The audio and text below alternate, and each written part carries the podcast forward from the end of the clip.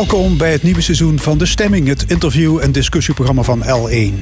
In het eerste uur, Tihange gaat niet dicht en Limburg stimuleert lokale energiecoöperaties.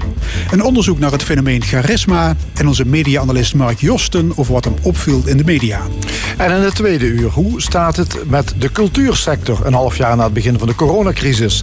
Een column van Nina Bokke en het panel discussieert over het nieuws van afgelopen week. Tot één uur is dit De Stemming. Twee ontwikkelingen op het gebied van energie deze week. De vlak over de Belgische grens gelegen kernreactor Tihange 2 hoeft niet dicht. Dat vonnisde de rechtbank in Brussel deze week. De zaak was aangespannen door Nederlandse, Belgische en Duitse overheden en burgers. Ze vinden de reactor levensgevaarlijk. En in Limburg worden 20 projectleiders opgeleid om te helpen bij het oprichten van kleinschalige energiecoöperaties. Aan tafel Hargene, hij is voorzitter van Rescoop Limburg, en Jos Schulikers. En hij is voorzitter van Stop Tihange Nederland. Ja, Tihange 2 hoeft niet dicht. Jos Schulikers, wat vindt u van die uitspraak? Nou, teleurstellend natuurlijk. En vooral teleurstellend omdat de rechter zo weinig rekening heeft gehouden met de argumenten die door de eisers ingebracht zijn.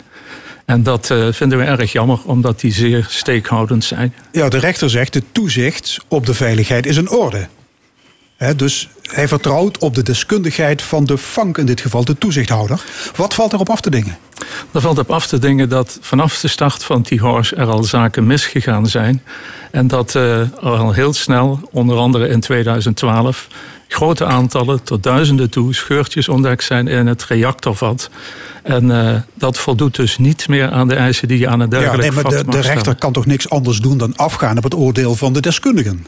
Ja, maar als we internationaal eisen afspreken en op het moment dat je er niet meer aan voldoet, begin je daaraan te tornen, dan klopt er toch iets niet. En ik hou het verhaal altijd heel simpel. Of de scheurtjes zaten er al in toen het vat in gebruik werd genomen. Dan had dat nooit mogen gebeuren. Of ze zijn later ontstaan. En dat betekent dat dat ze groeien. En dat we dus eigenlijk uh, op een vulkaan leven op dit moment wat dat betreft. Uw collega actievoerder in Duitsland die zegt... dit vonnis is politiek gekleurd. In veel landen volgen rechters het regeringsstandpunt. Wat vindt u daarvan? Nou, ik uh, denk niet dat ik dat zelf zo zou uitspreken, maar ik denk wel dat het waar is. Omdat een rechter dan natuurlijk niet de technische kennis in huis heeft om hier een uitspraak te doen. En hij zal dus de argumenten van Vank of van de eisers ja, moeten dus volgen. De rechter zit ook in een onmogelijk parket eigenlijk. Dat klopt.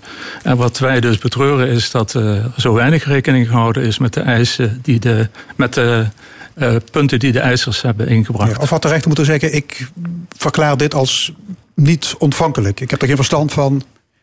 Ik ben geen jurist, maar het proces is wel ontvankelijk verklaard. En uh, daar leg ik me dan maar bij neer. Ook aan tafel Hargene. Hoe denkt u over kernenergie? Um, vanuit, uh, ja, ik ben voor, groot voorstander van duurzame energie. En als je dat vergelijkt met, met kernenergie, dan zou ik zeggen, daar moet je mee stoppen. Zeker ook um, als het om de centen gaat. Maar, maar, een kerncentrale stoot geen CO2 uit. Nee, en dat levert klopt. dus geen bijdrage aan de opwarming van de aarde. Dat klopt ook. Alleen we zitten natuurlijk wel uh, uh, eeuwig met een opslagprobleem te kijken.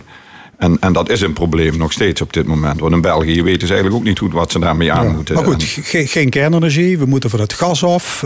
biomassa is ook verdacht. Wat, wat is dan de oplossing? Um, we kunnen in Nederland op best nog wel wat plekken, vooral als je dat samen met de burgers doet, her en der wel nog wat uh, zon- en windparken kwijt. En die energie die ja, die, die, die opgewekt, die die gaan opwekken, die moet je in de toekomst ook gaan opslaan ja, natuurlijk. Maar 8,6 procent van onze totale energieproductie wordt duurzaam opgewekt. 8,6 procent. We staan ja. de laatste plaats in Europa. Ja, dat klopt. En daarom hebben we dus ook nog een enorme weg te gaan. Ja, maar iedereen in, heeft de mond vol hè, van verduurzaming en van vergroening. En het schiet voor geen meter op. Hoe kan dat?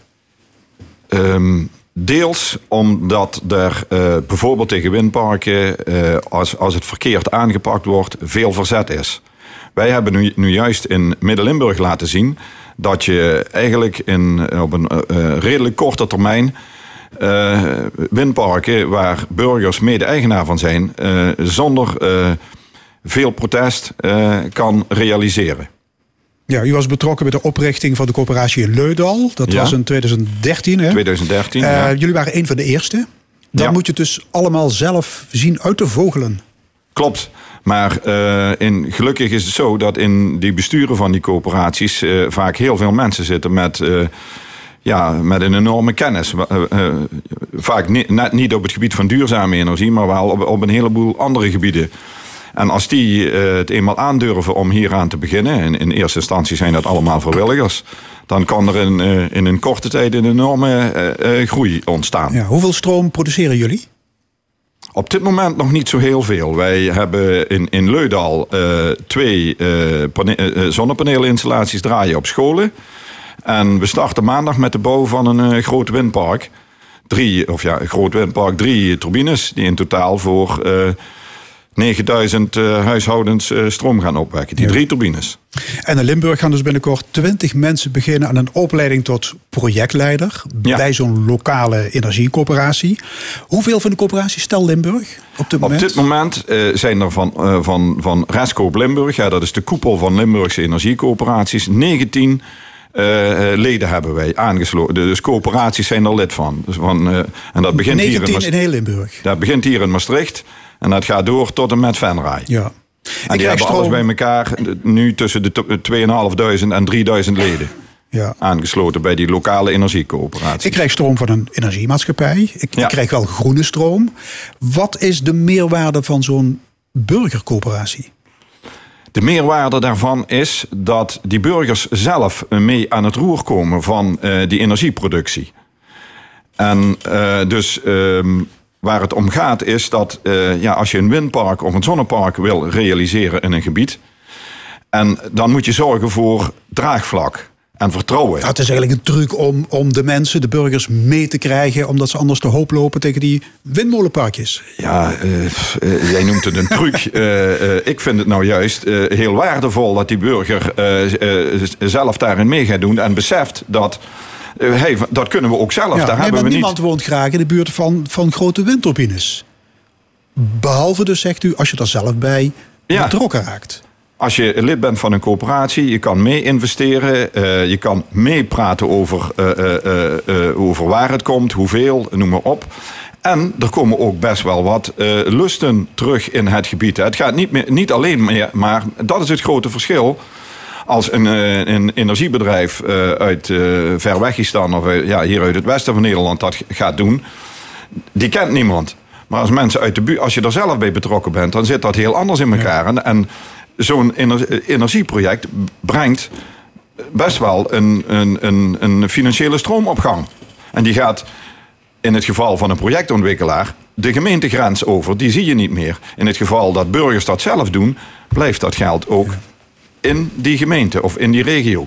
En de provincie heeft nu 15.000 euro uitgetrokken om 20 projectleiders op te leiden. Ja. Die moeten overal energiecoöperaties in Limburg ja, met raad en daad bijstaan. Nou, die moeten vooral, uh, die doen dat.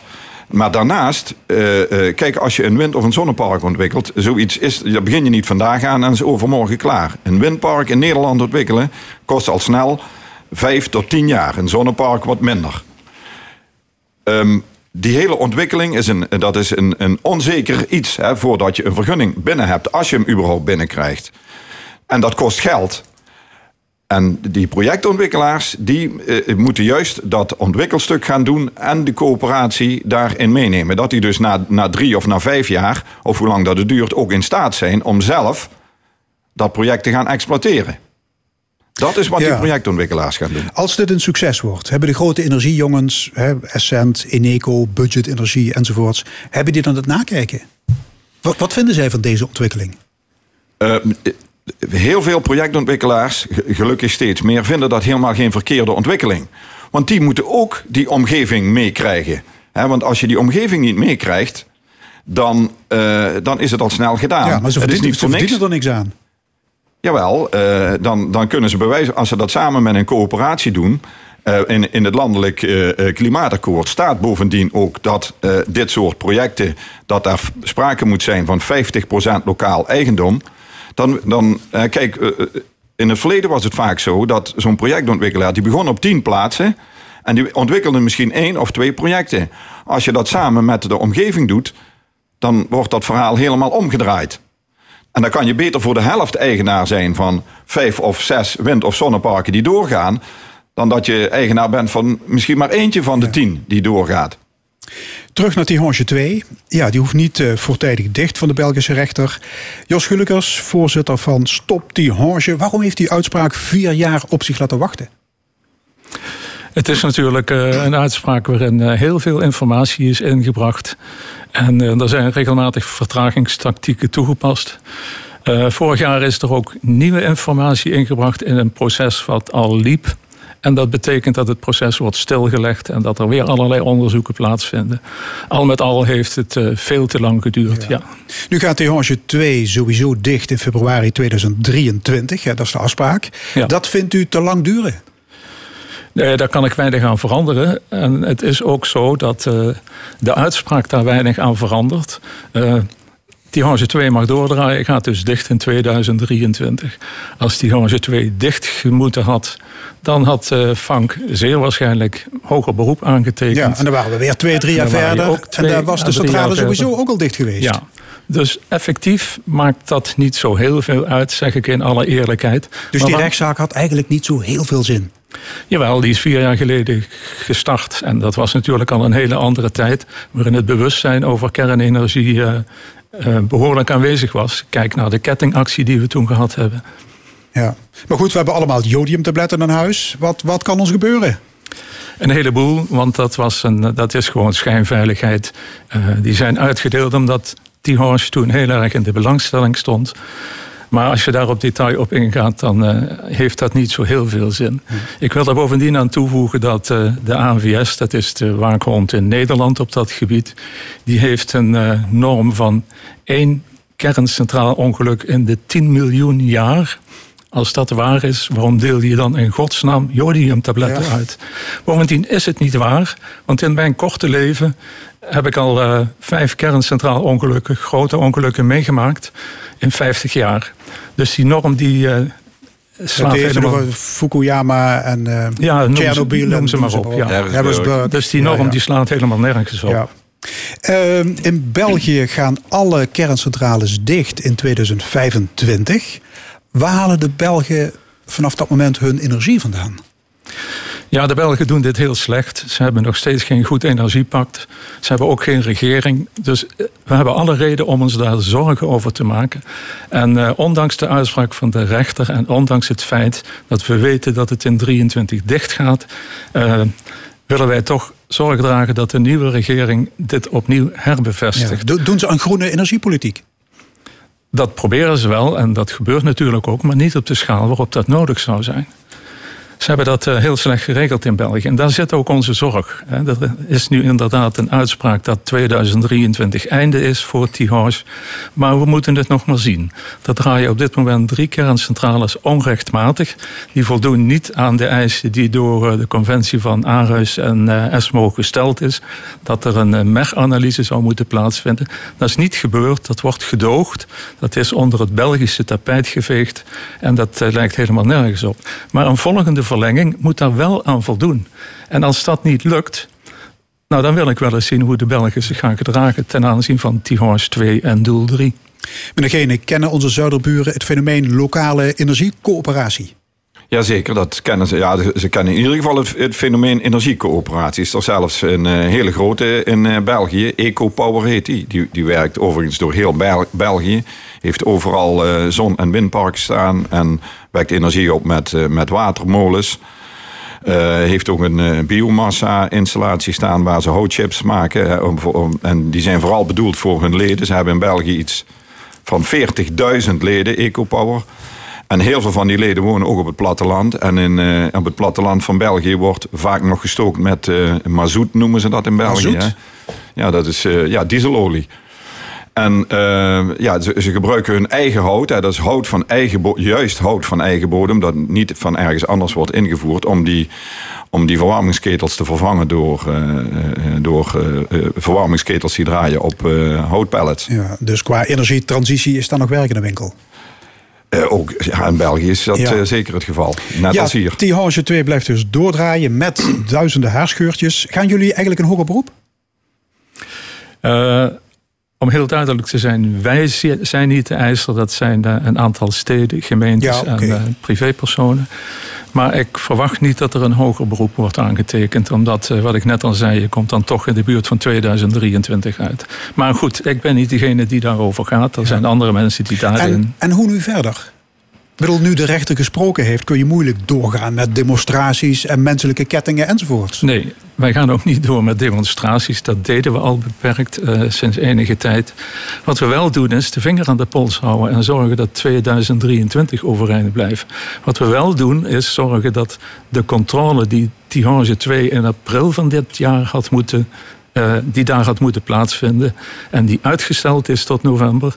We zorgen ervoor dat die dan wel degelijk gaat plaatsvinden. Jullie Wat blijven we wel waakzaam. doen, is dat doel 3, waar metingen gedaan zijn en die wij geanalyseerd hebben en waar we zorgen over hebben, dat blijven we naar FANK toe communiceren. Dat blijven we naar onze staatssecretaris en naar de ANVS toe communiceren. En daar gaan we steeds opnieuw het gevecht aan. Ja. Maar Met- met op degene- de achtergrond. U zei, Limburg telt op dit moment 19 eh, co- eh, coöperaties, Ja. energiecoöperaties. Hoeveel moeten dat er zijn over pakweg 10 jaar?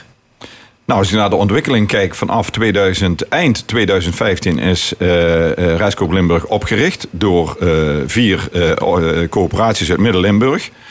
Het zijn er nu 19. Dan zou ik me kunnen voorstellen dat dat er over, ja, over een jaar of vier, vijf, dat dat aantal misschien nog wel eens verdubbeld Ja. is. En is dat een substantiële bijdrage aan de energietransitie?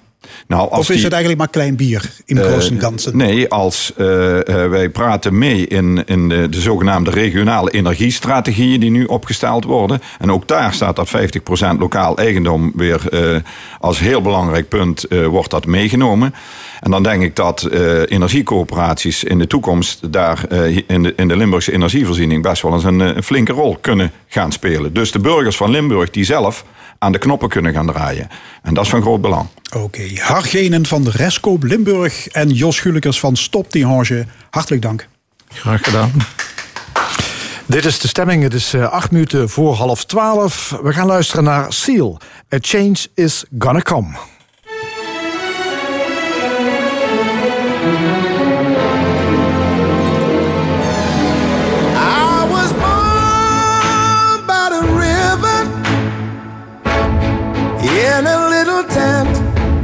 And oh, just like that river, I've been running ever since. It's been a long, long time coming, but I know a change gonna come. Whoa, yes it will.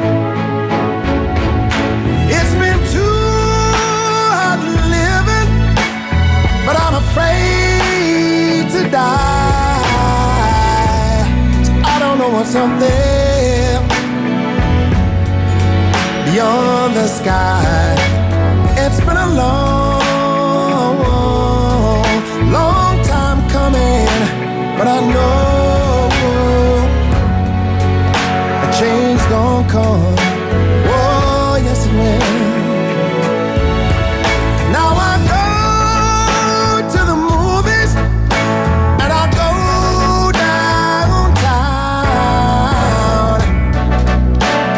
Somebody keeps telling me don't hang around. It's been a long,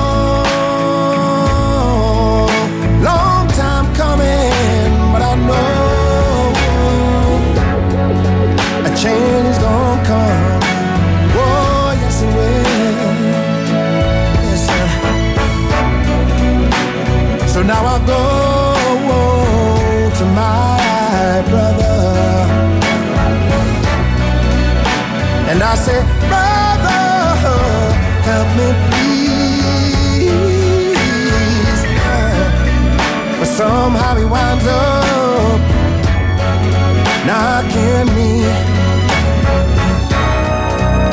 back down on my knees. Well, there were times I thought I wouldn't last for long. Now I think I'm able, able to carry on. It's been a long, long time coming, but I know a change's gonna come. Yes, it will. Oh, I know a change gonna come. I said I know.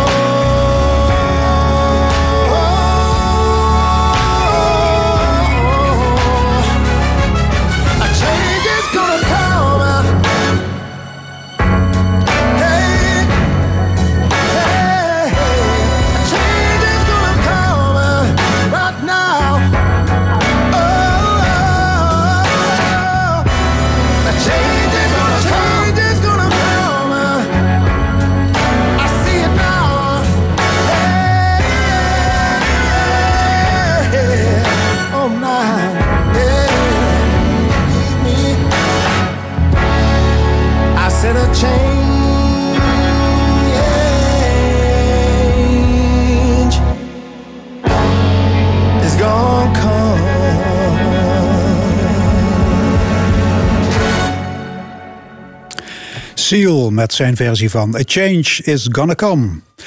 Ook dit seizoen zal de rubriek De Analist niet ontbreken in de stemming. We hebben duiders op het gebied van economie, politiek, sport, cultuur, wetenschap. En het spits wordt vandaag afgebeten door onze media-analyst. De Analist. Vandaag met media-analyst Mark Josten. Goedemorgen, Mark.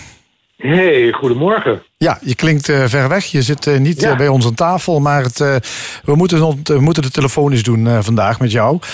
Ja, het is niet anders. Ehm, Zo dadelijk, dan gaan we het hebben over de grote aandacht die de vaderlandse media afgelopen week schonken aan, de, aan het gedrag van de bruiloftsgasten bij minister Fred, Fred Grapperhaus. Maar eerst iets anders. Censuur. Nou ja, altijd een Ja. groot woord, beladen woord. Ehm, ik moet het eerst even iets uitleggen waar, waarom we het erover gaan hebben. Woensdag dan doet de rechter een uitspraak in een zaak die huisarts Rob Elens uit Meijel en publicist Ab Gietelink tegen YouTube hebben aangespannen.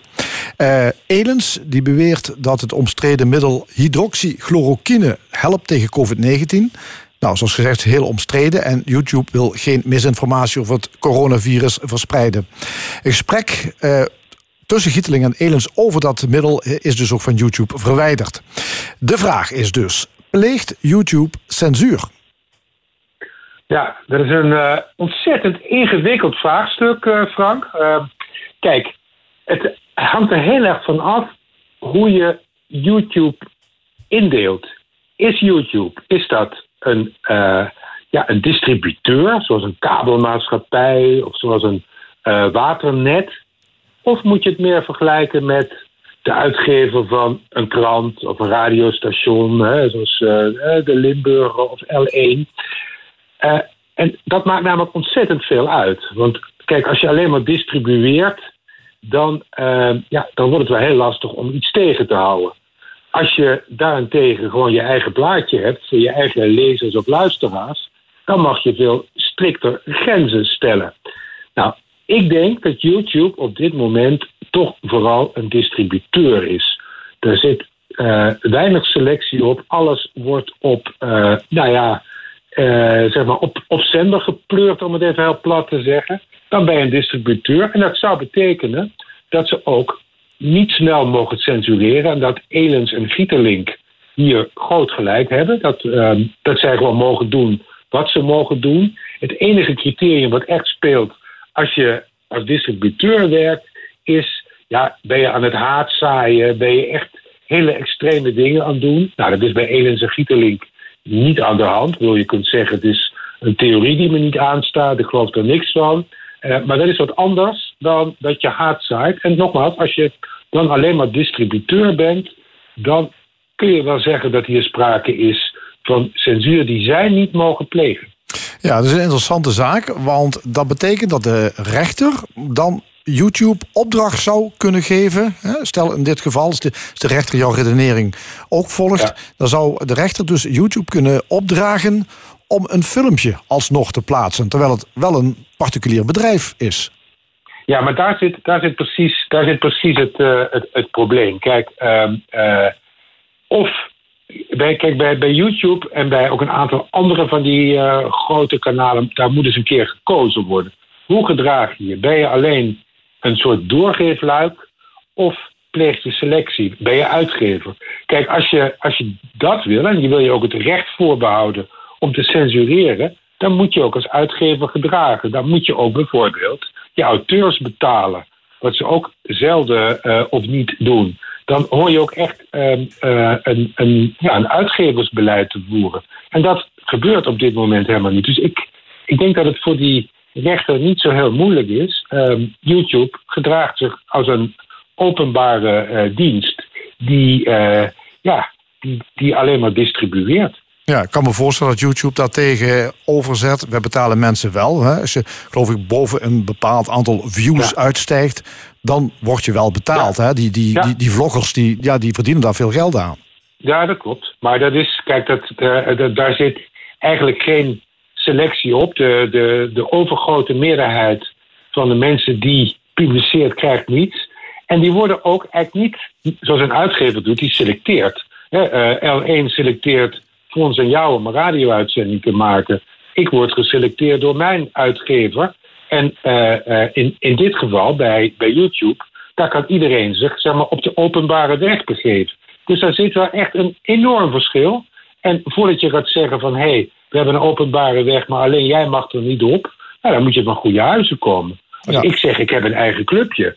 Ik heb, uh, uh, ik noem eens wat, een, een particuliere parkeerplaats bij die weg.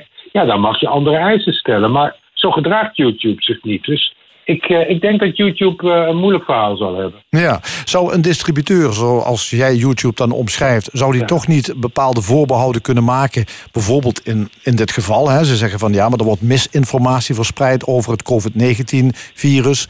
Uh, en dat willen wij niet hebben. Kan ook een distributeur niet misschien zeggen, er zijn grenzen? Het zou kunnen, maar het wordt wel raar. Het, het zou raar worden als de kabelmaatschappij Limburg zegt uh, tegen L1 van nou L1, uh, wat jullie hier uh, vanavond gebracht hebben, dat bevalt ons niet. Dat, eh, dat gaan we niet doorgeven. Dan krijg je toch iets, ja, een, een, een, een, verkeerde scheidsrechter in de wedstrijd. Een, een distributeur hoort niet de scheidsrechter te zijn. Kijk, ik zelf, ik ben wel voorstander van een bepaalde grensbewaking, maar je moet wel zorgen dat die grensbewaking door, uh, de, uh, door de goede partij gebeurt. En ik vind niet dat YouTube niet de goede partij is. Nee. Uh, Jos, kan dit, Mark, sorry, Mark, kan dit iets te maken hebben met de zogenaamde censuurcultuur die uit de Verenigde Staten overgewaaid is ook naar Nederland? Het, het ik bedoel ja. het uitsluiten van mensen omdat ze publiekelijk iets zeggen dat anderen niet bevalt? Nou ja, het is, het is wel, kijk, we, we zijn in Nederland extreem gevoelig voor alle winden uit Amerika. En uh, ja, ik, ik, ik kan het niet wetenschappelijk bewijzen, maar ik denk wel dat hier een wind aan het overwaaien is. En die wind die waait uit heel veel hoeken. Dus het is niet puur dat alleen links dingen tegenhoudt of rechts. Het komt van alle kanten. Hè. Uh, uh, Trump die wil bepaalde bedrijven boycotten die hem niet welgezind zijn. Maar je hebt ook aan de Black Lives Matter kant heb je mensen die zeggen van nou, die mensen die horen geen podium meer te krijgen. En dat permanente afvinken en tegenhouden van elkaar, dat is best wel giftig. En daar geldt ook weer opnieuw bij, kijk, tegenhouden mag wat sneller als je, kijk maar, je eigen krantje of je eigen radiostationnetje hebt. Dat maakt toch wel uit. Uh, um, in vergelijking met een kabelmaatschappij. Een kabelmaatschappij moet, moet zich daar niet te veel in mengen. Als ik een, uh, ik noem eens wat, een, uh, een klein weekblad in, in, in Limburg zou hebben dat over het landschap gaat, dan zou ik best kunnen zeggen, nou, bepaalde zaken, die wil ik niet in mijn blaadje hebben. Nou, prima. Maar op dit moment is van te veel kanten, heb ik het gevoel, is er een stemming van ik ga jou tegenhouden, jouw geluid mag niet gehoord worden. En of dat nou van links of van rechts komt, dat vind ik nogal giftig en ik vind het niet erg open en tolerant. Oké, okay, Mark, nog een ander onderwerp. Het was uh, ja, Grapperhaus voor en achter deze week. De media ja. stonden er bol van. Wij komen er in het tweede uur ook nog op terug in het discussiepanel. Ja. Wat vond jij van alle media-aandacht? Was het terecht? Nou, ik vond het, ja, nou ja, kijk, dat op zich natuurlijk terecht. Uh, want een, zeker iemand die zegt van uh, de, iedereen moet anderhalve meter houden en je bent daar het lichtende voorbeeld van. Ja, dan word je als eerste erop afgerekend als je je niet aan je eigen regels houdt. Dus dat begrijp ik. Aan de andere kant, ik vond het wel uh, uh, heel erg overdreven. Je merkt ook, uh, je hoort er nu aan het eind van de week al veel minder over. Terwijl ander nieuws, dat ik echt nog veel en veel chockerender vond, namelijk de, uh, de vergiftiging van de oppositieleider Navalny in uh, Rusland. En waarbij alle bewijs richting Kremlin gaat, hè, met het gif Novichok. Dat haalde weliswaar de voorpagina van NRC, maar kreeg veel minder aandacht dan ehm, de mispeer van, uh, van Grapperhaus. Dat vond ik bizar. En ik vind nog steeds dat ja, als wij als het grootste land in Europa, de grootste macht op ons continent, als die zich echt aan het ontwikkelen is tot een nou ja, uh, uh, uh, misdaadsyndicaat, dan, ja, dan verdient dat veel en veel meer aandacht. En ja, is hier echt spra sprake, vind ik, van een disbalans in de media Ja, ja de, die correspondent van de NRC die meldde dat dat gif is gebruikt, uh, dat dat, je noemde het al, Novichok is, een soort zenuwgas. Dat heeft alleen de Russische geheime dienst. Dus moet Poetin wel de opdracht hebben gegeven. Ergo, Poetin is een moordenaar. Dat, dat stond er eigenlijk. Nou ja, kijk, die, die, die, die kijk, het, er, is, er is inderdaad maar één instantie die dit kan doen. Het is ook eerder gebeurd uh, uh, met een voormalige uh, Sovjet-agent of Rusland-agent in, in Groot-Brittannië. Die is ook met dat middel bijna vermoord. er zijn andere gevallen van moorden inmiddels bekend.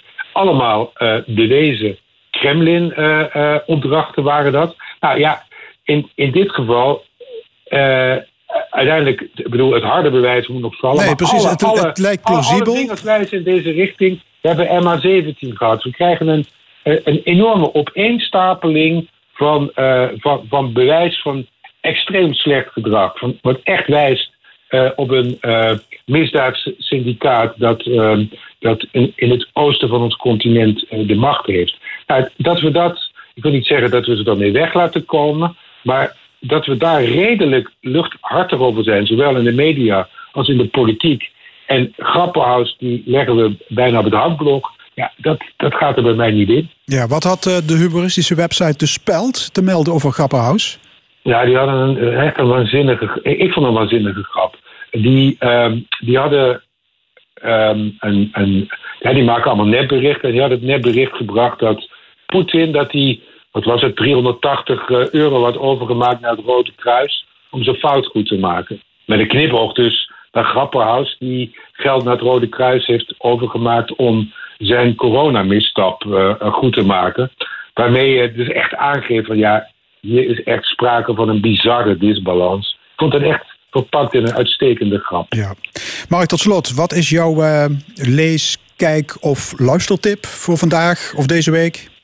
Nou, uh, puur op, op Limburg gericht zou ik zeggen, luister de podcast De Moord op Patrick. Dat is een cold case zaak die in Limburg speelt en er wordt helemaal uitgezocht hoe, uh, nou ja, hoe het hele opsporings, uh, het opsporingstraject verloopt. En het verloopt niet altijd even goed, kan ik wel verklappen. Het is een heel goed verteld en spannend verhaal. Tweede, um, en dat is een leesverhaal. Dat is echt zo'n lekker zondagverhaal. Uh, pak de NRC of pak hem even op je website erbij. Daar staat een verhaal van Wilfried de Jong, de bekende cabaretier tv-presentator, over zijn favoriete foto. Die foto is werkelijk schitterend van New York in de jaren 50. En de Jong die beschrijft hoe hij verliefd werd op die foto. En de Jong kan ook echt schitterend schrijven. Het gaat vijf, zes pagina's lang, maar over één ding. Maar daar gaat een soort rust, een genot vanuit. Dat moet je jezelf gunnen deze zondagmiddag. Oké. Okay. mijn leestip. Mark Josten, onze media-analyst. Hartelijk dank en we horen je straks terug om half één in het discussiepanel. Dank je wel. Zometeen, charismatisch leiderschap. Is dat aangeboren of kun je het leren? We gaan het horen. Cilla Black, You're My World eerst.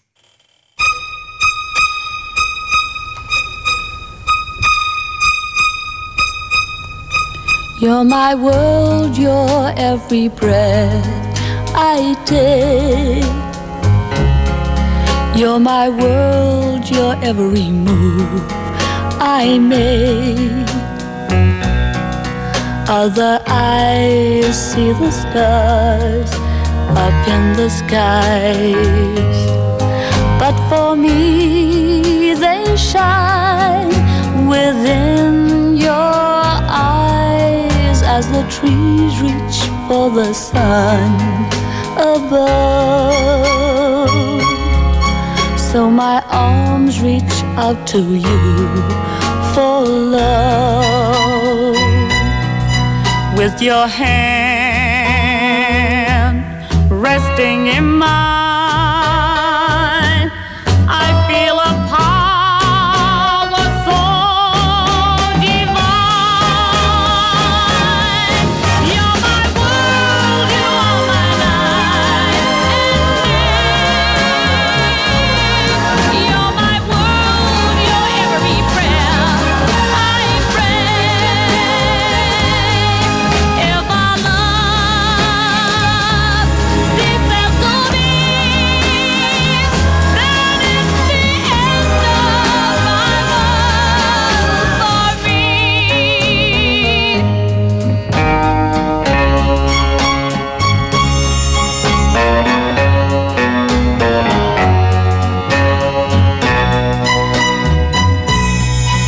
With your hand resting in mine.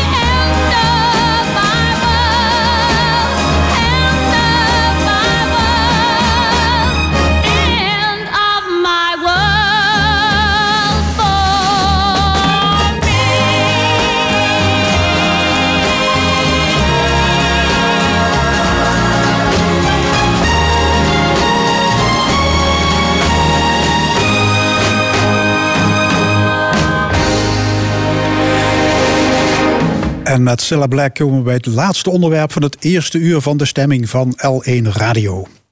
Het is een fenomeen dat al de hele geschiedenis fascineert. Waarom zijn sommige mensen in staat om grote massa's in vervoering te brengen?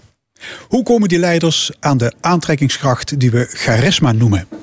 Jos Meewissen van Zuidhogeschool raakte in de band van charismatische leiders. Hij is op zoek naar het geheim van onder meer Franciscus van Assisi, Obama, Stalin, Madonna en Johan Cruijff.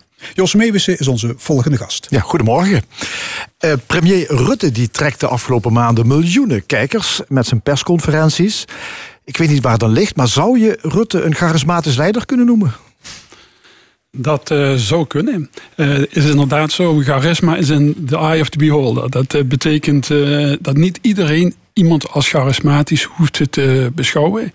Maar er zijn natuurlijk wel omstandigheden waarin eh, mensen, en met name crisis, een bepaalde crisis, in dit geval zou je de coronacrisis kunnen noemen, die ervoor zorgen dat iemand eerder als charismatisch wordt gezien. En eh, dat gaat natuurlijk ook eh, voor premier Rutte, die dan natuurlijk op dit moment een heel belangrijke rol heeft. Ja, voldoet hij aan, u heeft neem ik aan toch wel een lijstje waar je checkt van, is er, voldoet iemand aan alle charismatische omschrijvingen? En waar scoort hij dan, bijvoorbeeld Rutte? Nou, dat, dat, dat leesje dat valt best wel tegen. Kijk, je hebt eigenlijk drie opvattingen eh, van charisma. De eerste is, zou je kunnen zeggen, de psychologische. Mensen hebben het van zichzelf. Nou ja, goed, eh, misschien dat iemand vindt dat, eh, dat Rutte, als hij hier naar binnen zou komen, dat, dat hij dan een charismatische uitstraling heeft. Een andere opvatting is van, nou, Niemand heeft echt charisma van zichzelf, maar dat is meer de sociologische. Het is een projectie. Mensen projecteren een, eh, een bepaald charismatisch beeld op iemand en zien dan ook iemand als charismatisch. Dat is de, de, de tweede opvatting. En de derde opvatting die is eh, ongeveer 30, 40 jaar geleden ontwikkeld onder invloed van eh, de opkomende managementcursussen. Charisma is iets wat je kunt aanleren. En bij die derde zie je dus inderdaad dat er bepaalde zaken worden genoemd. Een bepaald stemgebruik, een uh, houding, um, een goede luisterhouding. Ga zo maar door. En dan krijg je dus inderdaad die kenmerken. Maar als we gaan naar uh, wat, wat Max Weber aanvankelijk het zuivercharisma Een socioloog hè, die erover over geschreven heeft. Ja. Max, Max Weber is degene die, dat is nu ja, 100 jaar geleden, het begrip heeft geïntroduceerd als een sociaal-wetenschappelijk concept en begrip van oké, okay, hij zag dus in de loop van de geschiedenis charismatische mensen. En hij vroeg zich af hoe is dat nu eigenlijk mogelijk? En constateerde tegelijkertijd, want hij is ook 100 jaar geleden gestorven. We hebben de tijd gehad dat mensen charismatisch zijn. We gaan nu een tijd in waarin uh, men zo nuchter, rationeel met de werkelijkheid omgaat dat charisma, niet, charismatische persoonlijkheden niet meer voorkomen. Als je nog, dat zei hij 1920 dat zei hij 1920. Ja. Als je nog tien jaar had geleefd, dan had hij zijn mening denk ik wel herzien. Ja. Ja, dan had hij de opkomst gezien van een hele grote charismatische leider... die dan mensen op een verkeerde manier met ja. En niet alleen in Duitsland, maar ook in Italië en ook in Rusland. Ja, ja. Donald Trump eh, is natuurlijk eh, voor bepaalde mensen een charismatisch leider. Voor anderen totaal niet. Dus het is ook maar de vraag, wie, wie vindt iemand charismatisch? Ja, dat geldt, dat geldt voor Donald Trump. Dat geldt ook voor Pim Fortuyn. Sommige mensen vonden hem gewoon een, een paljas. Niet, iemand die je dus serieus kon nemen. Andere mensen zagen hem dus als enorm charismatisch. Wat uh, Donald Trump, ja goed, je kunt daarover van mening verschillen. Wij als Nederlanders kijken sowieso heel nuchter naar datgene wat daar gebeurt. We zien iemand die voortdurend liegt. En dat liegen staat trouwens helemaal, uh, ja, moet ik het zeggen, dat staat helemaal haaks op uh, hetgene wat in managementcursus wordt overgegeven. Iemand moet authentiek zijn en iemand moet betrouwbaar zijn. Ja, en, en moet een antenne hebben voor Om wat dan andere mensen inderdaad dat charisma te kunnen ontwikkelen. Ja, heeft, heeft Trump juist niet? Nee, tenminste in onze uh, nuchtere Nederlandse ogen niet. Wij zijn sowieso als uh, Nederlanders staan we niet zo open voor charisma.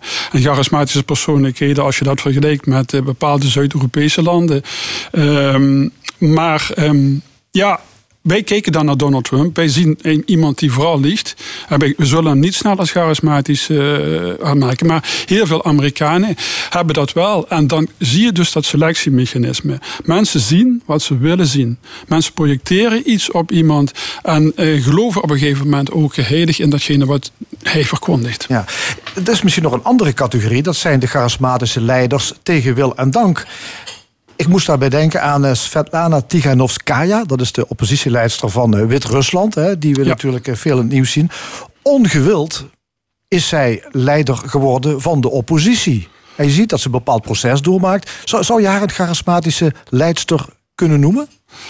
Ik, Tegen wil en dank? Ja, ik probeer dat een klein beetje te volgen. Het is natuurlijk zo dat de media ons ook maar een beperkt beeld geven. Maar het is wel zo dat aan haar leiderskwaliteiten worden toegeschreven. En dat zij een bepaalde verlossersfunctie heeft. En dat is inderdaad ook eh, wat aan Pim Fortuyn werd toegeschreven. We hebben op dit moment iemand nodig die ons uit deze crisis verder helpt. En op het moment dat die mechanismen worden uitvergroot naar haar toe, dan krijgt zij charisma. Maar dan heb ik het dus inderdaad over de sociologische uh, mechanisme, het feit dat mensen iets projecteren.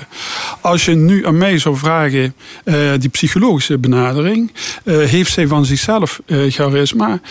Um, ja, dan zou ik zeggen van nee, ik heb het bij haar niet, zelf niet kunnen zien. Ja, het zijn de omstandigheden die maken dat zo iemand charismatisch wordt. Nogmaals, um, het wordt ook wel de zon en de maan genoemd. De ene opvatting is, iemand heeft van zichzelf dat charisma. Uh, Cassius Mohammed Ali komt hier naar binnen gelopen en iedereen is helemaal in de ban. Ook al hebben ze van tevoren niet gezien. Uh, dat, dat had ik ook omdat ik zelf dus een uh, les heb gegeven op middelbare school en ook op dit moment uh, les. Je had dat wel eens met de docenten die naar binnen kwamen en die direct een bepaalde uitstraling en charisma hadden. En andere docenten die moesten dat charisma verwerven. Um, maar daar moet ik ook weer dit van zeggen. Ik weet dat wij een heel charismatische uh, docent op de middelbare school hadden. Zo werd hij ervaren, zo werd hij ook gezien uh, door uh, leerlingen. Tot die man werd gevraagd om op een collegaschool te gaan vervangen. En ik zei tegen hem, en, tju, hoe gaat het daar? Vreselijk, zegt hij. Vreselijk. Ze staan gewoon letterlijk op de banken, die, die leerlingen. Je krijgt totaal geen grip op hun. Uh, ik zeg, en jij als charismatische persoonlijkheid, ach jas, kom op. Dat charisma is iets wat die leerlingen en, die, en mijn collega's op mij projecteren. En dat wordt gewoon doorgegeven aan die brugklasse leerlingen. En die zien dat dan. Alleen op die school gebeurt dat niet. Ja, het zijn de leerlingen die vertelden iemand is charismatisch en daarom word je ook charismatisch. Ja. We, we hebben het over charismatische leiders, of de, de grote leiders. Eh, vaak zien we dan het, het positieve, maar ja, er, zijn, ja, er, er vielen al een paar namen. kan ook heel negatief uitpakken. Hè? Hitler, Stalin. Eh, charisma kan dus gevaarlijk zijn. Eh, Kan ook op die manier mensen meenemen. Ja, er wordt gesproken over eh, eh, zwart en eh, wit charisma. Ehm, en het feit dat ehm, zoveel aandacht naar de mensen zijn toegegaan die charisma, hun charisma hebben misbruikt dan. En dat noemen we Hitler, Mussolini, ehm, Stalin en ga zo maar door. Heeft ook ervoor gezorgd dat charisma een vaak negatief, ja, moet ik zeggen, etiketje heeft gekregen. Laten we heel eerlijk zijn, voor de Duitsers was het charisma in de jaren 30 van Hitler geen zwart charisma, maar een wit charisma. Zij zagen hem als de verlosser. Eh, charisma heb je of heb je niet, maar charisma zelf heeft niet per definitie iets, ehm, ja, moet ik zeggen, iets kwaads of iets goeds. Het is gewoon een neutraal iets waar trouwens wel, en dat is ook wel opmerkelijk, en Hitler is het mooie voorbeeld, want je noemt het nu, door mensen aan wordt gewerkt. Hitler werkte wel degelijk, wist dat hij charismatisch was. Zei ook, ik kan alleen maar mijn eh, positie en mijn leiderspositie en mijn charisma behouden dankzij jullie, het Duitse volk. En hij werkte daar ook heel erg eh, nadrukkelijk aan om dat nog verder uit te bouwen. Ja, en als iemand eh, groot, eh, een, zal maar zeggen, als zijn charisma inderdaad ook werkt, dan wordt het ook veel moeilijker om daar een tegengeluid tegen te ontwikkelen, blijkbaar dus. Ja, dat wordt heel erg moeilijk en dat wordt in. ehm, en dan moet ik toch weer denken aan, aan, aan Max Weber. Dan wil ik heel eventjes teruggaan. Hij keek terug in de geschiedenis. En wat hij zag was koningen. eh, vooral eigenlijk grote militaire leiders en zeg maar eh, heiligen die charisma hadden in, in, in het verleden. Het heel typische van die mensen was ook eh, dat op het moment dat iemand als de heilige Franciscus wordt net genoemd, eh, eerst een toch wat zondig bestaan had gehad en later dan heilig werd, ook heel eigenlijk onbesmet bleef. En ook onbesmet moest blijven om zijn charisma te houden. Het eh, opmerkelijke van de 20e eeuw en de 21e eeuw is dat als mensen nu een charisma verwerven, kijk naar iemand als Janis Joplin of, eh, of eh, Michael Jackson, dan hoeft dat een, een bepaalde misstap niet per se te betekenen dat charisma wordt afgebouwd. Dan moet je dus inderdaad al heel veel doen. Dus bij, eh, Misschien dat een bepaal, bij een bepaalde rol zelfs ook wel een, een paar negatieve eh, uitstappen nou, soms is het, soms is het inderdaad. Mee- meehelpen. Ja, ja, soms is het zelfs een voorwaarde om je charisma te houden. ehm, dat, dat er ook af en toe iets fout gaat. En iets menselijks naar voren komt. Ja, dat, bij, bij Grappenhuis, hij is net genoemd, werkt dat negatief. Maar het kan ook dat het op een gegeven moment eh, zelfs bij iemand positief eh, werkt. Och, hij is toch maar een mens en dit gebeurt eigenlijk allemaal. Dit moeten we hem niet verweten. En waarom doen de media dit? En dit is gewoon allemaal flauwekul. Op dat moment werkt het dus eh, vergrotend. Ja, het, zal maar zeggen, het scala aan mensen die charisma hebben is ook dus groter geworden in de 20e eeuw. Dat had Max Weber niet kunnen bevroeden. Maar het waren vroeger de koningen en het waren de heiligen. Nu zijn het ook de popsterren, de, de, de, de voetballers, de, de, de, de grote atleten. Het is een veel breder scala. Ja, en dat is weer de grote discussie ook in de wetenschappelijke wereld, die zich ergert aan het feit dat het een containerbegrip is geworden. En die ergernis begint al in de jaren 50 van de 20e eeuw, dat al wetenschappers zeggen van ja, zo kunnen we dat begrip. Eh, Weber heeft het over dat zuiver charisma. Dit is geen zuiver charisma meer. Dit zijn beroemdheden, maar Zijn dit zijn geen charismatische persoonlijkheden. Dit zijn beroemdheden. Want zou je, Jo- Johan Cruijff, is dat, eh, was dat iemand met charisma? Ja, zeg je het maar. Nou, ik denk dat Cruijff meer dan alleen een voetballer was. Dus, maar ja, goed, ben, je dan charismatisch? Misschien, nou, misschien in Catalonië wel. Waarin het niet alleen Cruijff de voetballer was, maar ook waar hij ook een symbool was voor het nationalisme in Catalonië. Ja, eh, dat klopt. Het is weer contextgebonden, is cultuurgebonden, is tijdgebonden charisma. Kijk, in het begin van de jaren 90 had Pim Fortuyn nauwelijks of geen charisma. En tien jaar later had hij dus wel charisma. Datzelfde geldt ook eh, voor Cruyff en geldt voor iedereen. Ehm, eh, wat opmerkelijk is, is inderdaad dat... Laten we eventjes ervan uitgaan dat we zeggen van ook sportmensen... eh, en ook filmacteurs en weet ik allemaal kunnen dus charismatisch worden. Dat is inderdaad een, een gedeelte van de wetenschappers zeggen van... we moeten wat dat betreft dat begrip niet te strak hanteren. Het charisma is gewoon in een moderne samenleving... waarin heel veel eh, diversiteit eh, voorkomt... eh, zien we dat, kunnen we dat bij heel veel mensen terugzien. Ehm, Ik denk zelf dat um, als je nu kijkt naar het uh, werkingsmechanisme van charisma en als je zelf kijkt naar identiteit, hoe mensen hun identiteit opbouwden. In het verleden leefden mensen in het dorp, hadden ze één beroep en uh, werden, kwamen ze in aanraking met een beperkt aantal charismatische persoonlijkheden en schreven ze daar ook charisma aan toe. Dat was voor hun voldoende, want charisma zorgt er ook voor dat je zelf een positief zelfbeeld ontwikkelt. Je projecteert iets op iemand, maar door dat te projecteren op iemand ontwikkel je zelf ook een positief gevoel. In een moderne samenleving hebben mensen niet één identiteit, maar heel veel deelidentiteiten. Dus ze kunnen het charisma ontlenen aan, uh, aan de sport. Ze kunnen het charisma ontlenen aan, aan een directeur van het bedrijf waar ze trots op zijn, waar ze bij werken. Ze kunnen het uh, ontlenen aan een politicus uh, die een land op dat moment uit de crisis helpt. Dus dat, dat gevoel die emotie die mensen hebben bij het uh, signaleren van charisma, is nu meer verdeeld over allerlei deelidentiteiten. En het hoeven dus niet de grote leiders te zijn. Uh, nee. Het kan dus ook. Um, het hoeft niet André Rieu te zijn, maar het kan ook de koordirigent zijn, waar misschien de leden van dat koor ja. uh, ja. een, een, enorme charismatische persoonlijkheid zien. En het een van de, ik denk een van de uh, ja, oorzaken waarom wij op dit moment zo moeilijk grip krijgen op het fenomeen charisma, is dat de wetenschappers zich op dit moment hebben geconcentreerd of op de enorme grote persoonlijkheden, uh, Nelson Mandela, uh, politici in ieder geval, misschien ook grote dirigenten. Ja, Madonna, op, Oprah Winfrey, dat, ja, dat soort. Ja, ja. En op inderdaad de secteleders. Charles Manson en zo, die inderdaad dan um, ook charisma hebben, maar ervoor zorgen dat dat toch in ieder geval een negatieve ja, zin dat, dat zwarte charisma. Maar ertussenin zit nog een hele grote groep. Want wij hebben hier in Limburg hebben we bijvoorbeeld een Jo Erens gehad. Dat was iemand die in de jaren 50 enorm charisma had. Enorm charisma kreeg opgeplakt. Want Jo Erens was zelf als dialectzanger heel erg ongelukkig met die rol die hij da daardoor kreeg. Maar die middengroep die wordt eigenlijk nauwelijks onderzocht uh, tot nu toe. Ja, ik begrijp dat jij een, uh, volgend jaar uh, alle tijd krijgt om te gaan promoveren als je dat zou willen. Dus misschien. Ik ben er volop mee bezig, ja. ja, en charisma is wat dat betreft een mooi onderwerp. En dan misschien ook dat charisma van die, die kleinere, de kleinere luiden, zou ik maar zeggen. Ja, ja zeker weten. Ik denk dat um, een koordirigent voor een koorlid in een dorp net zoveel charisma kan krijgen als een grote leider. Oké, okay. dankjewel uh, voor jouw uitleg Jos Meeuwis over charisma. Straks in de stemming het nieuwe culturele seizoen gaat beginnen. Hangt de sector in de touwen of zijn er tekenen van herstel? Verder de column, het discussiepanel met Karel Leunissen, Jan de Wit en Mark Josten en nog veel meer. Blijf luisteren tot zometeen na een nieuwsreclame van 12 uur.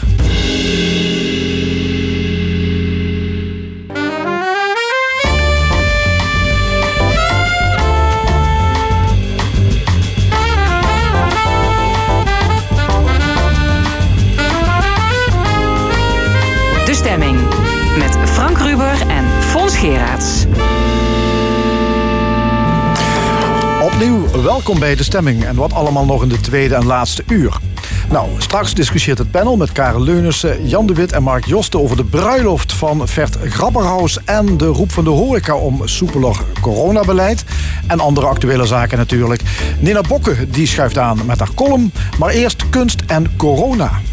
Het is begin september en dat betekent dat overal het nieuwe culturele seizoen wordt geopend. En daarbij is soberheid troef. De lockdown en de anderhalve meter maatregel hebben de culturele sector zwaar getroffen. Musea, orkesten, theatergroepen, de poppodia, de evenementenbranche, noem maar op. Na een half jaar corona maken we de balans op met Valentijn Bijvank, directeur van Maresse Maastricht, en met Nicole van Lid, eigenaar van adviesbureau Cultuurslagers. Ja, welkom allebei. Uh, Nicole van Lid, het uh, culturele seizoen 2021 uh, begint gemankeerd. Hè? Dat mag je wel concluderen. Is dit het meest bijzondere seizoen sinds de Tweede Wereldoorlog?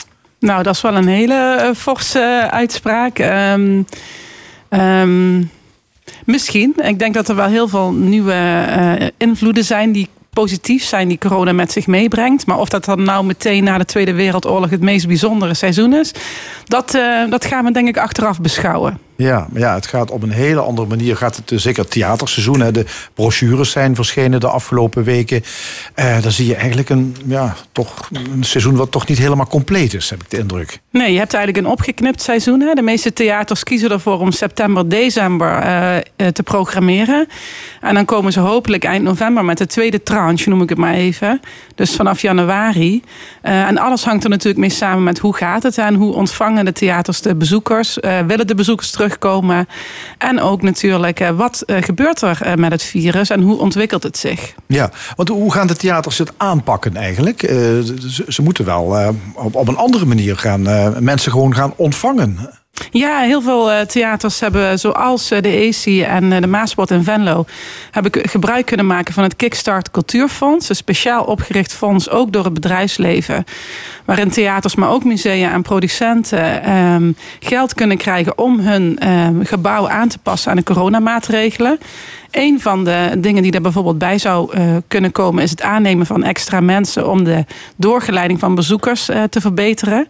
Een steward bijvoorbeeld inzetten. Nou ja, eh, de zalen moeten vaker schoongemaakt worden. En je zult meer voorstellingen achter elkaar moeten draaien. Dus dat wil zeggen, je kunt natuurlijk hè, maar een bepaald aantal mensen in je zaal.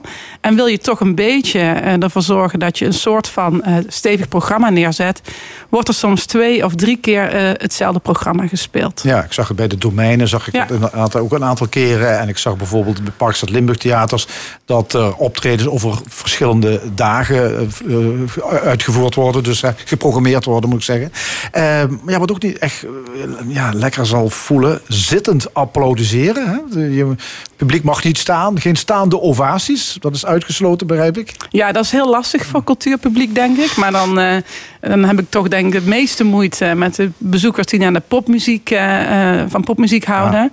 Ehm, die sector heeft het echt nog een stuk zwaarder. Hè. Die Nou, dan word je naar een plek geleid en dan, ja, dan anderhalve meter rondom je is blijkbaar een, eh, Ja. een witte vlek. Ja. Nou kijk, en popmuziek is natuurlijk bij uitstek een cultuurvorm die eh, haar eigen inkomsten weet binnen te halen. Mede door de horeca, eh, die daar een grote rol in speelt.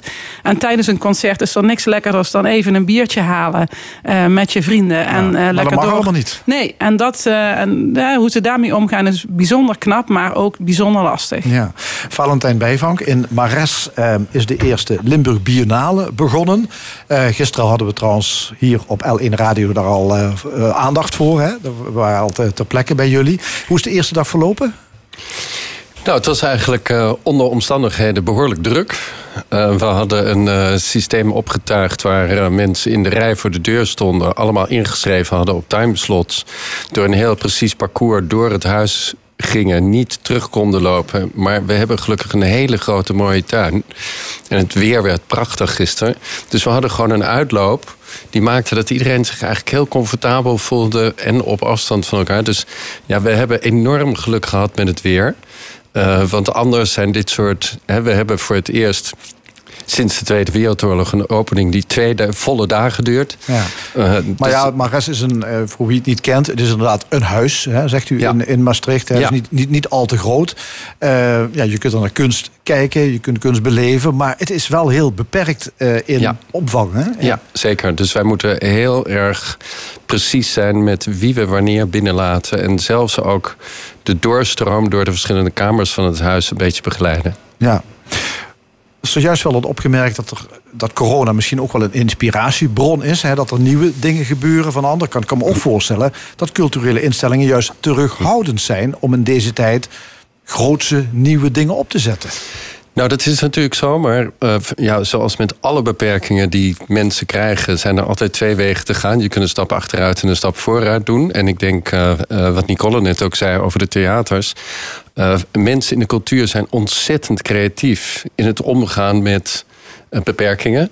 En ik vind dat ik heb al een heleboel good practices gezien van theaters en poppodia die gewoon heel erg goed omgaan met het feit dat er eigenlijk twee dingen aan de hand zijn. Aan de ene kant, we mogen niet. Maar we willen allemaal wel ontzettend graag. En wat wij zagen bij de Limburg Biennale is... we hebben die call uitgezet... en we hadden binnen drie weken hadden we 1200 inzendingen. Iedereen wilde zo ontzettend graag meedoen. En je ziet het, en ik denk ook zeker dat dat gaat gebeuren... als die tweede golf meevalt. Iedereen wil terug naar het theater. Iedereen wil terug naar de muziek. Iedereen wil dat huis uit. Iedereen wil uit eh, de, de digitale omgeving waar ze toch grotendeels in hebben verkeerd de afgelopen maanden. Ja. Nicole van Lid, ik zag eh, dat er ook wel theatergezelschappen zijn die al met COVID-19, zal maar zeggen, aan de slag gaan. Hè? Er, er worden ook wel mensen beïnvloed, eh, zal maar zeggen, om, om er iets mee te gaan doen. Dus kan dit, ja, misschien inderdaad, krijgt het een eigen dynamiek? Misschien wel? Nou, ik hoop eigenlijk van wel. Kijk, ehm, een grote crisis vraagt ook om grote antwoorden. En de cultuursector is bij uitstek nou juist een, een, een sector die daarvoor eh, aan de slag wil en ook een opdracht heeft. Ehm, je kunt er niet omheen. Iedereen heeft ermee te maken. Of je nou jongeren bent, ouderen, eh, verlies hebt geleden of niet. De cultuursector kan het vertalen naar iets ehm, wat bij degene die het kijkt iets oproept wat van zichzelf is. En je kunt niet om COVID heen. En ehm, je hebt tal van goede voorbeelden die daarop inspelen en die het ook mogelijk maken dat je veilig cultuur kan beleven. En ook ernaar kan kijken en het eh, een verhaal kan maken wat bij jou zelf past. Ja, ik zie ook wel wat praktische eh, aanpassingen die ja, uit nood geboren zijn. Bijvoorbeeld Theater aan het Vrijthof gaat Ja. in het MEC een eh, eigen theater. Hè, theater M, geloof ik, Yes. gaat het heten. Hè. En daar kunnen 1250 mensen dadelijk in. Nou ja, dat is ook een, een- natuurlijk een Ja. mogelijkheid. En ik zag Festival Bruis in Maastricht. Eh, er mogen 100 bezoekers binnen. Maar de optredens die worden wel gestreamd. En die kun je dan ook ergens anders bekijken. Eventueel samen in de kroeg. Dus ja, er er ontstaan wel wat nieuwe Zeker. ideeën. Vincent eh Valentijn Bijvank. Ja, zeker. Nou, het is, er, er- er is ontzettend veel. Ik denk alleen dat een van de dingen waar we ons allemaal op in moeten richten. En dat is eh, gelukkig voor Ma- Mares misschien wat eenvoudiger dan voor de grote theaters. We moeten leren programmeren voor minder publiek. En dat betekent natuurlijk eigenlijk in de economie van de, van de cultuur, om het zo maar te zeggen, dat kaartjes duurder moeten worden. Dat er meer moet worden opgetreden. Dat er meer eh, eigenlijk slimme oplossingen gevonden moeten worden om dat enorme publiek eigenlijk toch eh, van dienst te zijn. Wij weten nog niet waar dat naartoe gaat. Dat weten we eigenlijk pas over een jaar als we zien wat, wat wordt er werkelijk aan geld verloren aan iedereen die nu creatieve oplossingen eh, kan toepassen, maar natuurlijk toch wel geld gaat verliezen. Eh, ik ben niet zo lang geleden in de zomer heeft de Brakke Grond in Amsterdam samen met theatergroep De Warme Winkel een piepshow opstelling gemaakt. Waar iedere theaterbezoeker dus een eigen hokje had. Van waar die, waaruit hij door een raam op een, eh, een stage kon uitkijken. Nou, dat was razend populair. Maar dat waren, eh, daar was plaats voor 96 mensen per voorstelling. En als je dan Nicole hoort zeggen 1250 in Mac, of zei jij dat nou? Wie, Ja, wie het ook zijn. 1250 dat zijn de- ja, dat is onvergelijkbaar natuurlijk. En het is aan de ene kant is het heel goed, want het was een onvergetelijke ervaring. En soms heeft de cultuur ook enorm baat bij dingen doen voor kleine groepen en precieze ervaring. Maar het is de vraag of het economisch allemaal houdbaar wordt. En dat Ja. gaan we dus zien. Ja, want de prijs van die kaartjes, ja, je kunt hem wel verhogen. Maar ja, dat heeft ook weer consequenties natuurlijk. Ja, kijk, we hebben ons systeem in Nederland op een bepaalde manier ingericht. Hè, dat we de cultuursector voor een deel, hè, dus los van de eh, gesubsidieerde sector, eh, behouden voor de vrije sector. Nou, die vrije sector die heeft het nog veel zwaarder. Hè. Die, die schuift ook in verhouding heel weinig aan aan tafel. Dus dat zou nog eens een keer interessant zijn. Want die hebben echt helemaal niks meer. Hè, die, die, die, die krijgen geen steun van de overheid. Die zitten niet in de regelingen. Ehm, en juist die sector, eh, die moet het kaartje omhoog doen. Terwijl eh, gezelschappen die eh, volledig of bijna volledig worden gesubsidieerd, krijgen die subsidie ook om dat kaartje laag te houden. En die kunnen gebruik maken van de regelingen. Dus ik zou echt willen pleiten, laten we ook kijken hoe we hier in Limburg de eh, gezelschappen, de makers uit de vrije sector ehm, kunnen redden. Want ik, ik heb niet echt het gevoel dat dat nog een ja, onderdeel laten we is. daar eens over doorpraten. Het kabinet komt met eh, geld over de brug voor de cultuursector. In totaal is daar 1,3 miljard euro voor uitgetrokken. Als je alles bij elkaar optelt. Eh, wat vinden jullie van dat bedrag? Meneer Bijvank. Nou, om te beginnen, eh, het- het zijn bedragen die zo astronomisch hoog zijn. Dan moet je eigenlijk een heel eh, spel en, en, en, eh, en overzicht hebben van alles wat er nodig is om te beoordelen of het inderdaad een goed bedrag is of dat het relatief weinig is. Je moet het ook vergelijken met wat wordt uitgetrokken voor alle andere dingen. En dan wordt hier altijd natuurlijk meteen gezegd: KLM was wat 2,3 miljard of zoiets, of, of 3. Uh, wat gaat het bedrijfsleven krijgen? Wat gaat de landbouw krijgen? Wat gaat, wat gaat iedereen krijgen? Wat gaat er met die Neertse fokkerijen gebeuren? Wat, nee, snap ik. Maar 1,3 miljard, dat is een bedrag waar je wel iets mee kunt. Nou, het is, een, het is natuurlijk een prachtig bedrag. Het is verschrikkelijk veel geld. Maar we hebben op dit moment nog geen zicht in hoeveel geld er verloren gaat worden in de cultuur. Het heeft wel even geduurd, want in het begin zei cultuurminister van Engelshoven: Het seizoen is voorbij en ik kan niks betekenen voor de culturele sector. Ik wacht tot de culturele keten weer gaat werken. Ja. Dat was misschien niet zo handig. Um, nou ja, niet zo handig. De minister van Cultuur, hè, die dat ja, zei. Nou goed, de minister van Cultuur uh, um, um, heeft het ongelooflijk goed gedaan. Zij zitten natuurlijk in een vrij lastig pakket. Uh, dat wil zeggen, als je niet de handjes op elkaar krijgt voor meer geld voor de culturele sector, dan kun je dat zelf wel willen. Maar wij werken in een democratie en dan heb je gewoon pech. Uh, ze heeft het toch maar weer mooi geflikt. Dus daar ben ik haar in ieder geval vanuit mijn eigen standpunt dankbaar voor. Maar Nee, het is maar wel Omdat laat. er een storm van kritiek loskwam. Ja, Als je zegt van ja. ik kan niks betekenen voor de sector. Ja, dat is eh, niet eh Kijk, het was veel beter geweest als er, net als in Duitsland en in Engeland, wat daar is gebeurd, eigenlijk ehm, heel snel na de uitbraak van COVID een statement is gemaakt door de overheid van de sector, de culturele sector, is eh, belangrijk en wij gaan die steunen. En daar is een bedrag genoemd eh, voor beide landen. Dat is uiteindelijk ook nog aangevuld. Maar het gaat om het statement. Hè? Dus je spreekt je onvoorwaardelijke steun uit aan een. Eh, eh, een, een sector die een flinke bijdrage heeft aan, aan de economie Ja, van dan heb je Nederland. het over Angela Merkel, die toch hele andere taal sprak dan onze bewindspersonen. Ja. Die hield een gloedvolle toespraak en kwam met miljarden over de brug. Ja, en vrij snel. En Ja. ehm, de twijfel eh, die, die in Nederland heerste over het wel of niet krijgen van extra noodsteun, heeft de sector enorm verlamd. En die verlamming ehm, heeft misschien nog wel meer kwaad gedaan ehm, dan we allemaal denken. Ja, je hoort wel eens zeggen, Holland redt de KLM, Duitsland de heilige kunst. Ja, niks nieuws zonder zon, natuurlijk. Eh, we blijven eh, handelaren en koopmannen. Eh, dus dat is zeker waar. Maar ik, ik, ik wil nog wel even aansluiten bij Nicole. Het is inderdaad binnen dat klimaat dus heel knap... eh, wat de bewindsvrouw voor elkaar gekregen heeft. Ja, maar politici en bestuurders krijgen heel vaak het verwijt hè, dat ze kunst en cultuur niet serieus nemen. Wat vinden jullie? Nou, ehm, ik weet niet of dat zo is. In Limburg is dat volgens mij niet zo. Ik zie onze eh, bewindslieden, zal ik het maar even zeggen, hè, de wethouders van de grote steden en de gedeputeerden van cultuur, veel in het culturele veld. Ehm, maar ik zie het wel op landelijk gebied. Maar dat komt natuurlijk ook, de, de, de, de publieke debat is keihard. Keihard. En het uitspreken van steun voor cultuur ehm, wordt daardoor nog moeilijker.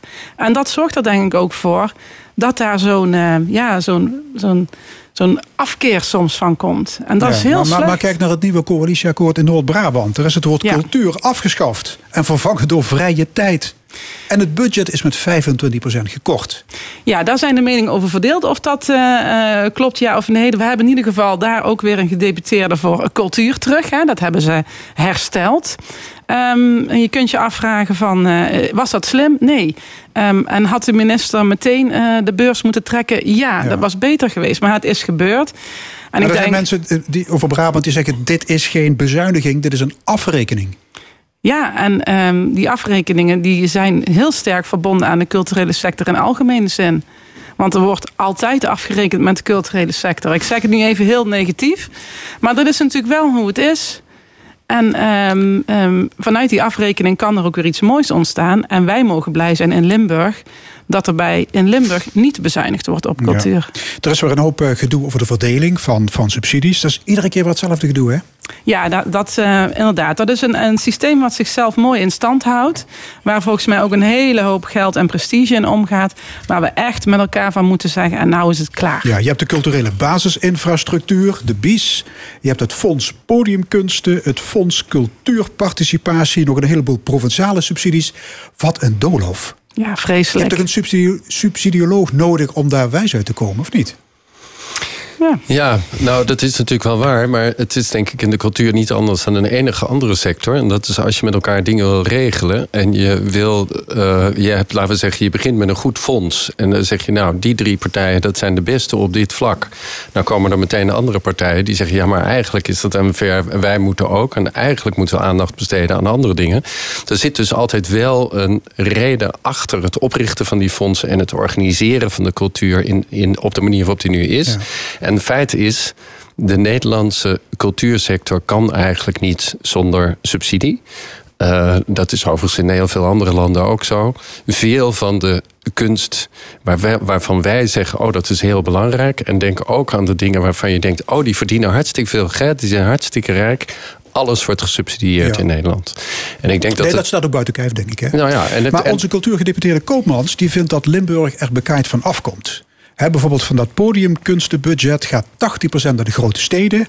En wat Limburg krijgt is wat hij noemt verwaarloosbaar. Heeft Koopmans gelijk of niet? Ehm, kijk, het statement is goed. Maar in de basis moet je, eh, gaat het niet om goed of fout of hij gelijk heeft, ja of nee. Het gaat erom hoeveel aanvragen zijn er geschreven. En werken we met z'n allen hard genoeg om ervoor te zorgen dat er ook aanvragen komen uit Roermond, uit Weert, uit Venlo en Venray. En mijn antwoord daarop is nee. Dus het Dus het statement ligt is een beetje aan het Limburgse culturele veld zelf. Ook, daar ligt het ook. Dus het is geen zwart-wit verhaal. Eh, de heer Koopmans heeft gelijk of het culturele veld is lui. En dat, dat, dat is niet de vraag. Ehm, we moeten veel meer nog aan de stimulerende kant zitten. En dan kunnen we over acht jaar zeggen of de heer Koopmans gelijk heeft. Ja, maar Koopmans nee. zegt, ik, ik wil de cultuursubsidie, dat moet eigenlijk regionaal worden gespreid. Je moet het geld oormerken voor de regio's. Dat is dus in jouw verhaal flauwekul. Ehm, nou ja, ehm, ik heb het geen flauwekul genoemd. Het is goed om te onderzoeken, maar ik vind ehm, het is weer een, een, een systeem bedenken wat over vier jaar niet meer houdbaar is. Ik denk dat we gewoon met elkaar moeten zeggen: de systemen deugen niet. Ook niet hier in de provincie hoe we met elkaar het geld verdelen en hoe we daarover het debat voeren. Geld oormerken voor de provincie, meneer Bijvank. Is dat een eerlijkere verdeling? Het gaat allemaal om proportie. Dus eh, natuurlijk eh, kan het niet zo zijn dat al het cultuurgeld naar bij wijze van spreken Amsterdam gaat. Eh, het, dus het debat gaat eigenlijk niet om, moet er geld geoormerkt worden? Maar wat moet de proportie zijn? Want het is ook duidelijk dat een heleboel mensen die niet in Amsterdam wonen en in de cultuur zitten, daar wel naartoe reizen om daar cultuur te gaan maken. Dus er is ook een enorm veel groter aanbod in Amsterdam. Aan de andere kant vind ik ook dat de fondsen, de Raad voor Cultuur, disproportioneel veel adviesleden in de Randstad hebben die te weinig kennis hebben eigenlijk van wat er in de andere gebieden gebeurt.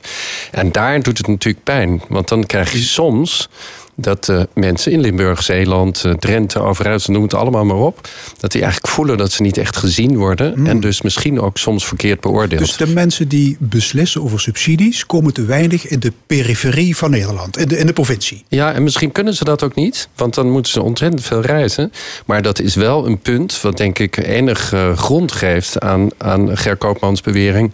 Daar zou wel eens wat meer aandacht kunnen komen. En misschien gaat het niet alleen maar om geld, maar gaat het om waarderen van het talent wat in de regio zo.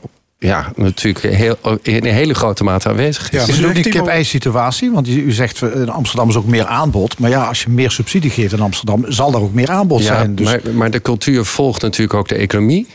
eh, volgt de welvaart. Jongere mensen die willen graag naar Amsterdam. Eh, ook Limburg is een krimpregio. En dat betekent er is een magneet daar. En die magneet werkt natuurlijk het sterkst op mensen die zich een beetje anders voelen. Die in de cultuur zitten, die dingen willen gaan doen. Daar kun je niks aan veranderen. Maar het betekent niet dat Limburg leeggetrokken wordt. Het betekent wel dat daarmee echt gemakkelijk is voor mensen in de Randstad om de aandacht op zichzelf te vestigen. Ja, maar dat vierjaarlijkse subsidiecircus, dat moet anders, Nicole van Lid. Dat Nou, heeft dat- zijn beste ja. tijd gehad.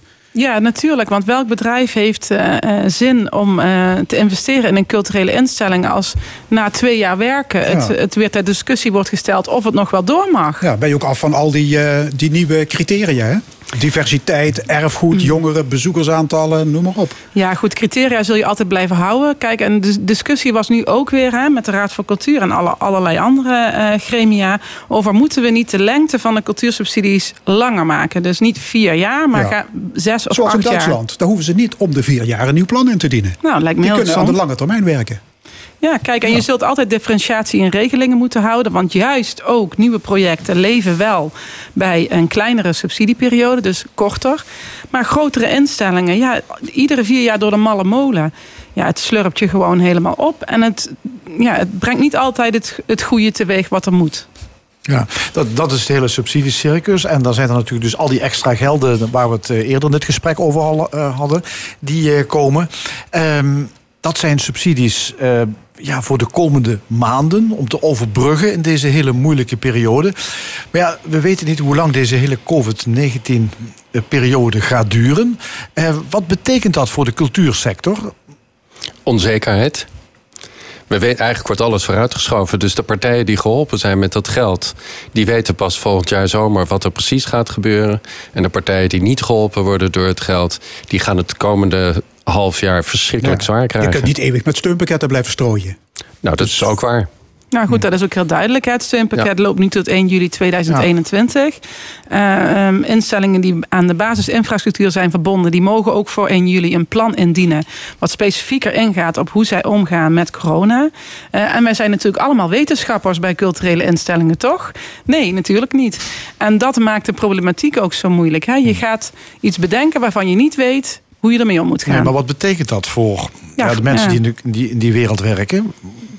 Ehm, nou, je kunt niet sturen op een product. Dus als je het kijkt naar de visie vanuit het bedrijfsleven, is dit eh, een van de zwakste eh, momenten, denk ik, in de culturele sector. Want je kunt niet ageren ergens op. Je kunt niet echt vooruitdenken. En dat doe je wel, omdat je het ook verplicht bent. En omdat je ballen hebt. Want zo is het natuurlijk ook maar gewoon weer. Dus je doet het. Maar ja, eh, houdbaar is het niet. Oké, hartelijk dank Nicole van Lid van Cultuurslagers en Valentijn Bijvank van Mares. Dank jullie Graag wel. gedaan. Zo dadelijk in de stemming de column, maar eerst R.E.M. Shiny Happy People.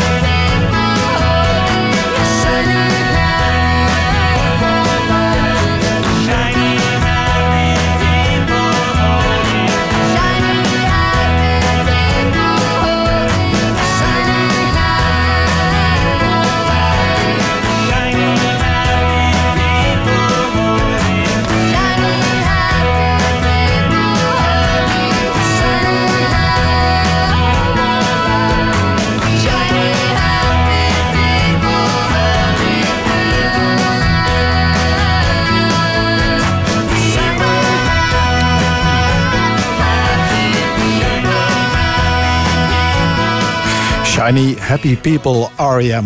Uh, dit is de stemming tot 1 uur politiek en cultuur op L1 Radio.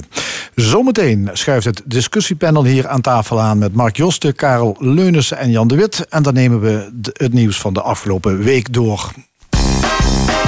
De column. Vandaag met Nina Bokken. Het is fijn om houvast te hebben in deze tijd. Om te weten dat sommige dingen nooit veranderen. Ik weet nog goed dat mijn allereerste column voor dit programma in 2016 ging over Tiange. Dat toen al antiek was en barstte van de scheurtjes. Tiange hoefde toen niet dicht. Nu, vier jaar later, nog steeds niet. Wel deelde de overheid gratis jodiumtabletten uit, want genezen is natuurlijk beter dan voorkomen. Opmerkelijk dat er met de coronapandemie voor een andere strategie wordt gekozen. Behalve door minister Grapperhaus dan. Er zijn nog maar weinig dingen die me verbazen, maar door zijn huwelijksaffaire werd ik flink wakker geschud. Deze minister blijkt namelijk helemaal niet Fred Grapperhaus te heten, maar Vert Grapperhaus. Vert! Best logisch, want zijn vader, die minister van Financiën was, heette precies zo. Het is een afgeleide van Ferdinand. Maar zelfs als je Fred intikt op Google, is een van de eerste hits die je krijgt Vert Grapperhaus. Sommigen betichten de minister van Justitie ervan dat hij een soort voorkennis zou hebben gehad, omdat hij zo laconiek met de maatregelen was omgegaan. Ik geloof dat ook. Stel je voor dat je Vert heet en een superbelangrijke functie hebt. En dat iedereen je dan de hele tijd Fred noemt. Dat is irritant hoor. Dan voel je je niet serieus genomen. En dat is al lastig met zo'n achternaam. Daar wil je dan echt wat aan doen. En dit was het ideale moment. Door deze rel weet heel Nederland nu dat Fred eigenlijk Vert Grapperhaus heet. Niet serieus worden genomen is trouwens heel vervelend. Zeker als het heel lang duurt. Dat is bijvoorbeeld wat zorgmedewerkers meemaken. En alle mensen die dikke vette boetes hebben gehad omdat ze eventjes niet opletten terwijl ze op het terras zaten. En de horeca die een langzame dood inglijdt, net als de cultuursector. Ik zelf heb er ook een beetje last van, want ik zou over twee weken ook trouwen. En dat vond ik nogal wat met mijn milde bindingsangst en lichte aversie tegen ouderwetse tradities. Alles was al geregeld, van outfit tot trouwbedankjes. Een voorwerk van heb ik jou daar. Maar een paar weken geleden realiseerden we ons dit kan zo niet doorgaan met de maatregelen. En we cancelden de bruiloft zonder nog vooruitzicht op wanneer dan wel. Maar Vert wilde wel per se nu trouwen. Iedereen die wel eens getrouwd is, weet dat zoiets nogal wat voeten in de aarde heeft. Zeker als je mensen wil uitnodigen of een feestje wil geven. Het vergt ontzettend veel voorbereiding en je moet over alles nadenken. En dan bedoel ik echt alles. Maar Vert vergat als minister van Justitie op meerdere momenten net het allerbelangrijkste die dag. Kan gebeuren, zeiden sommigen. Maar ik vind het anders knap indrukwekkend dat het überhaupt lukt om zoiets dan toch over het hoofd te zien. Maar hij werd gered in het Kamerdebat. De traan van Grapperhaus zal de boeken ingaan als een nieuwe politieke troefkaart voor politici in het nauw. Hadden we het maar met z'n tweeën gedaan, snikte hij over zijn huwelijk. Ik dacht dat altijd het geval was in een trouwerij in Nederland, maar ook daarin kan ik me vergissen.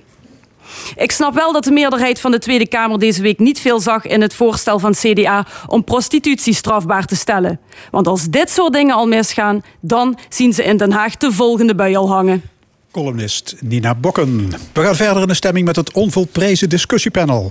Ik heet van harte welkom Karel Leunissen, voormalig voorzitter van het CDA Limburg. Karel, nog gefeliciteerd met je benoeming tot officier in de Orde van Oranje Nassau. Dankjewel. Was dat een grote verrassing?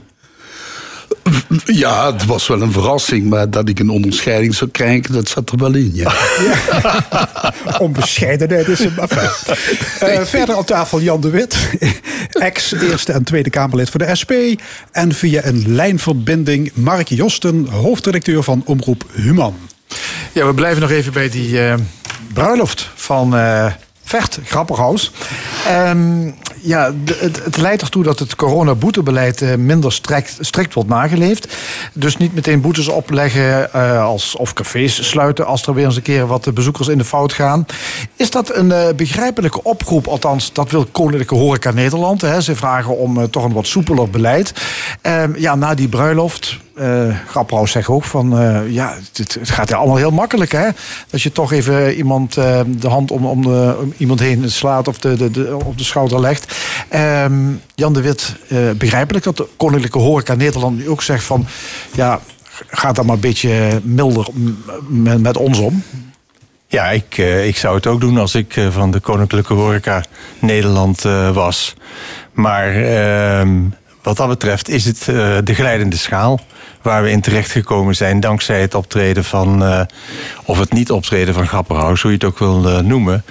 Ehm, door zijn optreden op, die, op zijn bruiloft, het debat in de Kamer en de uitkomst daarvan zullen we tot in lengte van jaren dit soort eh, problemen krijgen en houden. Namelijk dat de BOA's op straat, als ze iets moeten doen, eh, voor een kiezer krijgen. En die grappenhuis dan.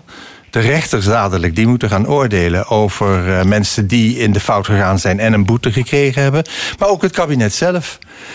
Als het kabinet, bijvoorbeeld als er een tweede golf komt, waar iedereen toch rekening mee houdt, en dan hard zou moeten ingrijpen dan denkt het kabinet zelf ook een eh, pro- eh, probleem heeft. Dus het is een glijdende schaal waar je op, eh, op terechtgekomen bent. De autoriteit van het kabinet is in het geding gekomen door die bruiloft. Zeker, zeker. Dat vind ik in ieder geval wel. Ehm, en ze hadden die problemen ook minder gehad, denk ik, als gewoon Grapperhaus was afgetreden. Als hij gewoon had laten zien, wat hij zelf ook zegt... ik heb een voorbeeldfunctie en het is gewoon te gek om los te lopen dat dit gebeurd is. Dan had het kabinet altijd kunnen zeggen... kijk, die zaak is eh, wat dat betreft eh, afgedaan... en wij kunnen verder met ons coronabeleid zoals dat noodzakelijk is. Namelijk, af en toe moet je streng zijn en heel streng... En als het wat beter gaat, kun je eh, versoepelen. En- maar en niet gelijke nu elke keer, elke keer voor je kiezen krijgen. En die grappenhuis dan. En jullie doen het zelf ook niet. Ja, want dan had je gelijke monniken, gelijke kappen. Dat is ook ja. zo. Ja. Karel Leunens, hoe kijk jij ja, dan daar naar? ben ik het eh, niet helemaal mee eens. Ja, dat had ik En eigenlijk wel verwacht, Op ja. de eerste plaats is het zo dat eh, dat niet het keerpunt is geweest in het coronabeleid. Het huwelijk van het Grapperhaus. Niet omdat het mijn ik hem. Maar al eerder had de Kamer gevraagd om de, eh, de, de, de sanctionering, hè, de, de, de, de aantekening in het strafblad te schrappen en de boetes te verlagen. En die motie was met voltallig unaniem aangenomen. Dat is één. Dat was al een maand tevoren geweest. Tweede punt was dat er al maanden niet meer gehandhaafd werd. Er zijn in de laatste anderhalf, twee maanden zijn er nog maar vier boetes uitgeschreven. Dus het was al aan het afkalven. En inderdaad, die, dat huwelijk van Vert Grapperhaus met zijn misstappen... Hè, en van de gasten die daar waren... dat heeft natuurlijk wel de deur dicht gedaan. En dat vind ik wel een ernstig punt dat men nu dat aangrijpt om nog verder die boetes te verlagen. En dat eh, die sanctionering op dat strafblad, dat mag volgens mij ook verdwijnen. Dat was ook niet eh, proportioneel, vond ik. Maar die boetes, we moeten wel zorgen dat we elkaar niet gaan infecteren. Want dan krijg je die tweede golf. En daar had men dat moeten vasthouden. En dat had het Grapperhaus ook moeten begrijpen. Dus ik denk dat hij het best, had moeten, het best was geweest als hij was afgetreden. Maar goed, hij speelt anderzijds ook een heel belangrijke rol binnen dat kabinet. Het is echt een belangrijk minister. En ook in dat crisisteam van die corona. Ja. Maar het, het, eh, het, het, pro- het probleem is natuurlijk dat eh, het klopt dat de Kamer dat al eerder eh, uitgesproken had. hè, die motie van eh, en de boetes omlaag en die verklaring omtrent het gedrag. Dat is het tweede punt.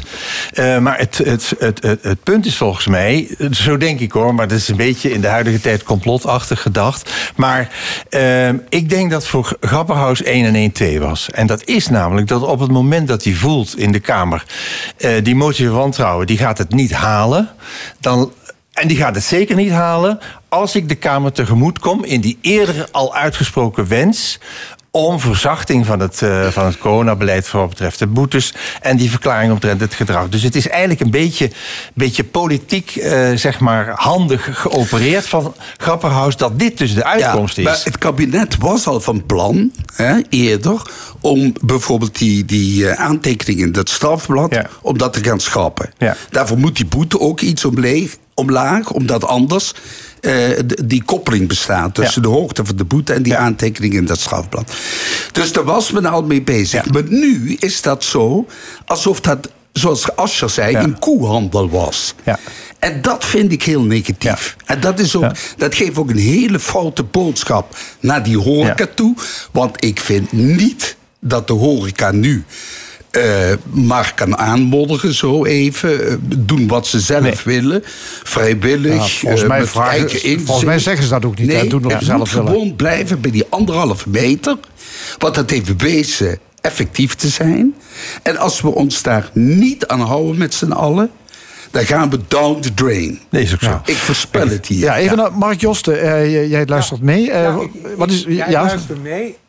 Ik vind de discussie er. Uh, we, kijken te veel, denk ik, nu naar de politiek, terwijl het echt om een, uiteindelijk om een mentaliteitskwestie gaat. Uh, die, uh, die horeca, daar, daar, verwachten we ook echt van dat, er, uh, dat die zelf verantwoordelijk gaan werken. En dan heeft het geen enkele zin om allerlei regels op te stellen die toch niet gehandhaafd worden. Het gaat er echt om om die horeca te overtuigen. En dat overtuigen zit hem, wat mij betreft, erin dat het echt ophoudt met discotheken waar je verhalen over leest, waar de lampen aangaan om uh, uh, op het moment dat er een boa aankomt, om te zeggen van jongens, uh, speel even een toneelstukje. Nee, dat moet echt ophouden. En misschien voor de allerergste gevallen moeten er sancties komen. Maar het gaat uiteindelijk erom van, net zoals in het begin van de coronatijd, dat we er samen, uh, samen voorstaan om dit virus te bestrijden. En ja, dat vraagt gewoon uh, veel meer dan alleen een, uh, een politiek verhaal. Maar ik, ik, ik, denk dat, ik denk dat ja? juist het grote probleem, uh, uh, zeg maar als sprekende over een tweede golf die eraan komt. Uh, als je kijkt naar de herfst, waarin iedereen binnen moet blijven, dan is bij uitstek de horeca een hele riskante sector. waar het risico van besmetting buitengewoon groot is.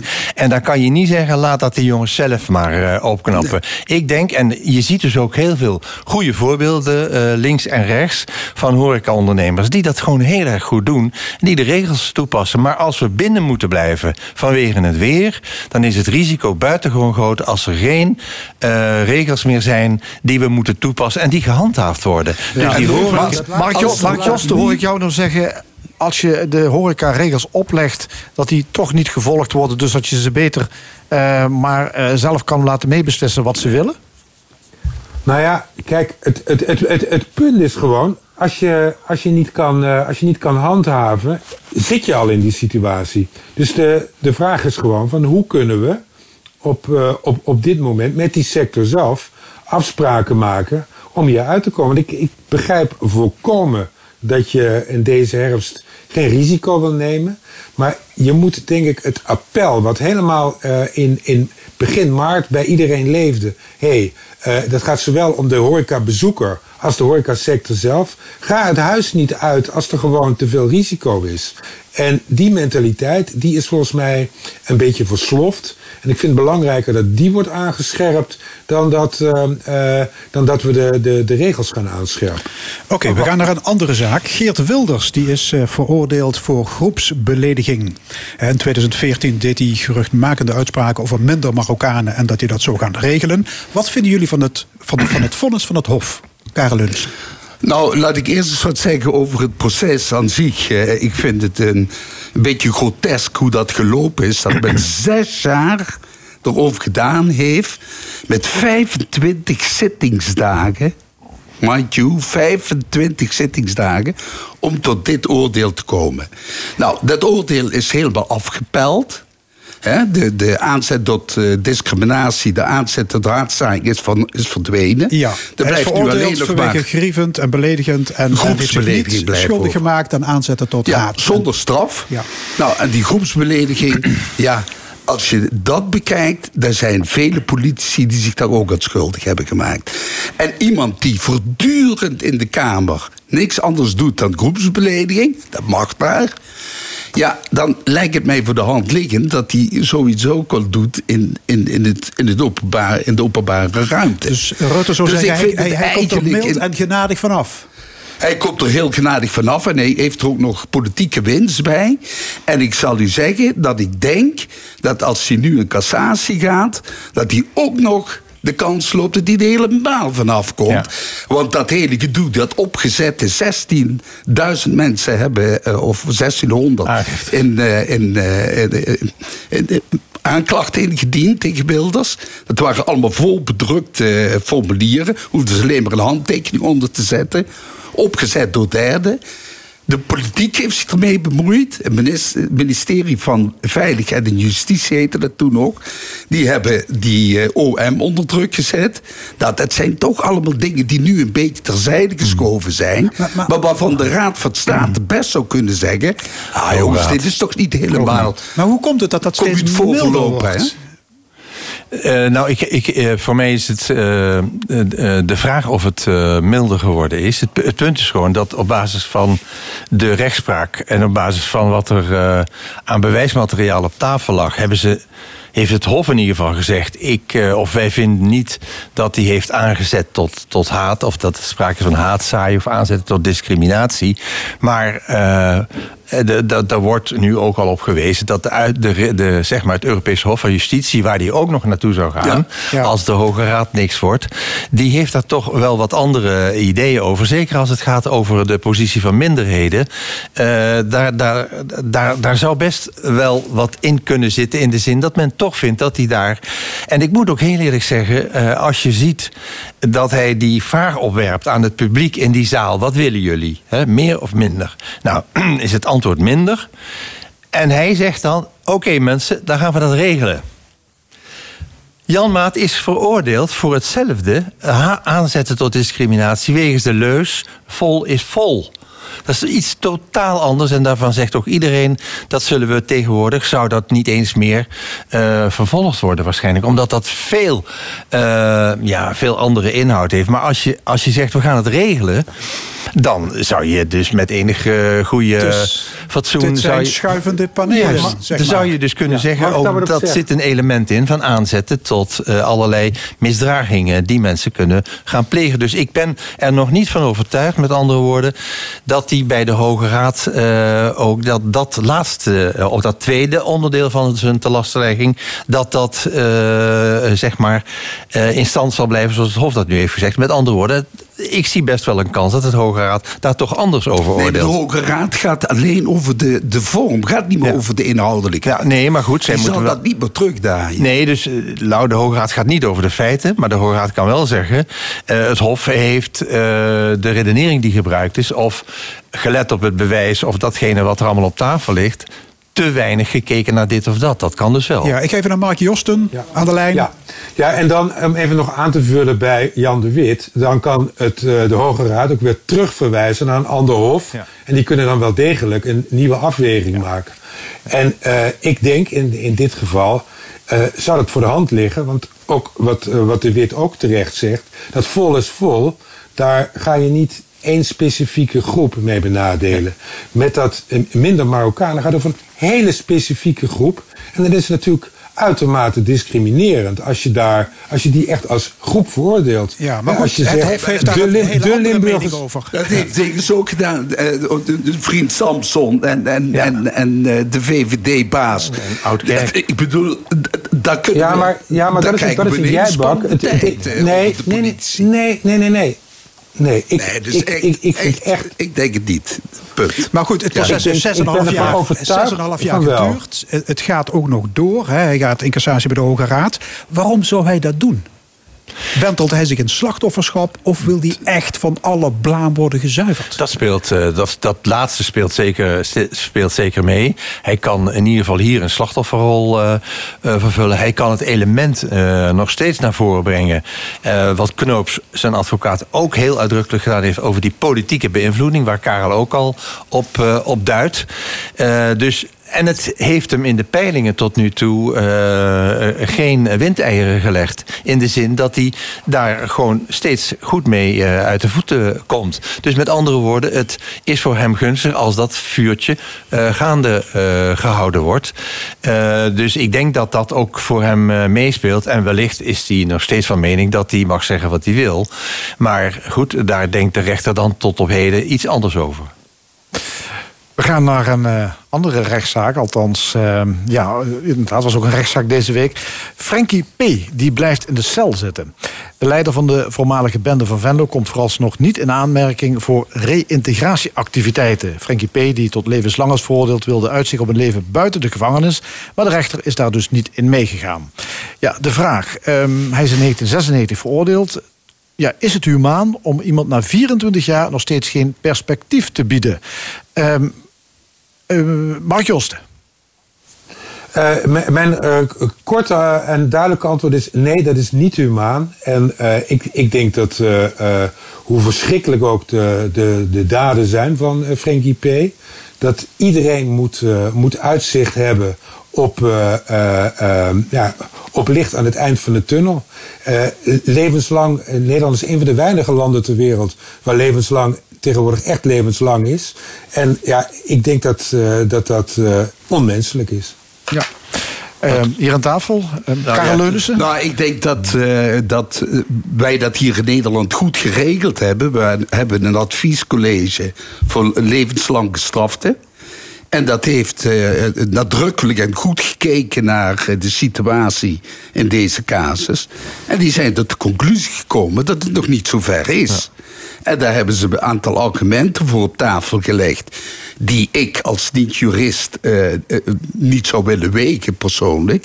Maar op grond daarvan heeft men gezegd dat kan nu niet. Maar ja. wij zijn wel bereid om over twee jaar nog eens de zaak te bekijken. En eens te zien of daar progressie in zit. In die dingen die onvoldoende waren om tot het besluit te komen van vervoegde hm. vrij laat. Wat, ja, Jan de Wit. Wat Josten zegt is, uh, is niet, klopt niet helemaal. Uh, kijk, toen zat ik toevallig zelf in de Kamer. Toen is inderdaad, uh, en ik meen dat het Boris Dietrich is geweest van D66. Die heeft toen onder invloed van die politieke, politieke aanslag op Fortuin bijvoorbeeld. maar er is toen afgesproken, of er is toen vastgelegd... levenslang is levenslang in Nederland. En dat was inderdaad een, een, een, een, een, een Want dat was voorheen, was levenslang niet levenslang. We zijn eigenlijk strenger geworden maar dus, Wat dat betreft, onder invloed van het toenmalige heersende uh, idee... is dat dus levenslang geworden. Maar er is ondertussen rechtspraak van het uh, Europese Hof... die ook Nederland uh, tegen Nederland heeft gezegd... van mensen, levenslang is niet levenslang. Dus na 25 jaar moet de kans bestaan dat je uh, zeg maar beoordeeld wordt, opnieuw beoordeeld wordt en dat je dus uh, de maatschappij terug in kunt uh, gaan. Maar daarvoor moet wel een advies dan, zoals ja. het in dit geval in Nederland geregeld is. Er ligt een advies en wat is nu de kern daarvan? Ja, wij, wij weten het eigenlijk niet met deze meneer. dus wij kunnen niet inschatten, want daar gaat, het, daar gaat het natuurlijk om. Wat zijn de kansen dat hij weer vervalt in het oude gedrag als hij vrijgelaten wordt? En dat eh, is in dat advies het probleem. Dat er dus niet beoordeeld kan ja, worden. Want ze hebben geen greep op die man. Ja. Ze weten niet hoe dat, hoe dat zit met hem. Of hij inderdaad uh, zich verbeterd heeft. Uh, of die, uh, zeg maar met andere woorden, dit soort dingen niet meer zal doen. Dat is die onzekerheid. En daarvan zeggen ze nu niet. Ja. Maar ze houden wel open, omdat over een aantal jaren opnieuw nog eens een keer tegen ja. het licht te houden. Ja, dat klopt. En dat is eigenlijk het perspectief wat hem geboden wordt. dus levenslang is geen levenslang nee, in nee, Nederland. Dat is dus, en anders ligt het gewoon aan jezelf. Ja, dat voor een groot deel uh, wel, ja. ja. Goed, uh, het CDA is voorstander van strafbaarstelling van prostitutie. Dat onderwerp is op de agenda gezet door een burgerinitiatief. Uh, Karel Leunissen, je bent voormalig Eerste Kamerlid voor het CDA. Waarom is jouw partij opeens voor een prostitutieverbod? Nou, dat heeft te maken met het feit dat uh, kijk, waarom is toen uh, dat verbod op prostitutie uh, gestopt? Hè? Waarom is die wet gekomen tegen dit bordeelverbod, zal ik zeggen? Dat was omdat men graag wat meer zeggenschap en inzicht wilde krijgen in die hele prostitutiewereld. En met name om mensen die gedwongen vanuit het oosten, dames vanuit het oosten, die in die prostitutie werden gestopt, die door mensenhandelaren naar Nederland werden gehaald, onder het mom van we kunnen jullie mooi werk bieden, daar en daar, werden die dan die prostitutie ingemoffeld. Dat is de reden waarom die wet tot stand is gekomen. Wat blijkt nu, is dat het weliswaar beter geregeld is dan vroeger, maar nog altijd heel veel jonge meisjes en zelfs minderjarigen door mensenhandelaren uit het oosten van er zijn Nederland te veel. En daar hebben we totaal geen vat op. Jan de Wet? Ja, nou, ja, het, het, het risico is eh, van het eh, weer invoeren van een eh, bordeelverbod, eh, zoals het CDA dat nu wil, is gewoon het risico dat, eh, ja, dat je nog meer illegaliteit eh, krijgt. Dat dus, ehm, ja, dat dus die handel niet gestopt wordt, eh, waar, waar Karel het over heeft, maar dat eh, het ook niet meer te traceren valt voor een deel, omdat eh, ja, nu bij eh, het huidige systeem iemand die een eh, prostitutiebedrijf wil beginnen, moet daar een vergunning voor aanvragen. Dat moet ook gehandhaafd worden, ook een probleem natuurlijk. Maar er is nog een zekere controle op. Maar die vervalt dan helemaal. En dat is dus een groot risico dat het in de illegaliteit vervalt. Maar met alle risico's voor die vrouwen. En eh, die daar dan Ja. het slachtoffer Ja, als je worden. betaalde tot wanpraktijken, dat wil je niet weten wat daar gebeurt. Dus ik ben ervoor om die vergunning veel beter eh, te handhaven. Ook goed te kijken wat gebeurt daar. Maar ook de aanpak van vrouwenhandel. Daar zou veel meer in geïnvesteerd Ja, eh, het is een moeten betere worden. wetgeving en niet de klok 20 jaar Maar terugzetten. ook mensen die het. Want dat vergt natuurlijk een enorme. eh, het is geweldig crimineel wat daar gebeurt. Dus dat vergt recherche, dat vergt eh, agenten die durven en kunnen optreden. Dus niet alleen wetgeving, maar ook personeel erbij. Ik ben het helemaal met je eens. Dus ik ben ook tegen dat voorstel van het CDA. Maar het is wel zo, er komt nu een herzieningswet. Klopt. Op die eh bordeelverbod. Ja, daar is men mee Eh, bezig. Daar is men Ja. mee bezig. Die is, ligt nu bij de Raad van State. Maar het punt is dat men vraagt: van, ga eens kijken in landen waar het bordeelverbod er wel is. Zweden, Frankrijk, Mhm. eh, Noorwegen. Wat de best practices zijn. Mhm. En neem dat mee in dat nieuwe wetsvoorstel. Vind je het kopen van seks immoreel? Nee, dat vind ik niet immoreel, nee. Nee. Oké, hartelijk dank. Discussiepanel. Vandaag met Mark Josten, Karen Leunissen en met Jan de Wit. Heel graag tot over drie weken. En dit was de stemming vandaag gemaakt door Fons Geraas, Frank Ruben, René Bergers, Angel Zwars. Graag tot volgende week zondag, dan weer om 11 uur. Dit programma wordt herhaald maandagavond om 8 uur en is ook te beluisteren via onze website l1.nl, via podcast en via Spotify. Ik wens u nog een hele mooie zondag.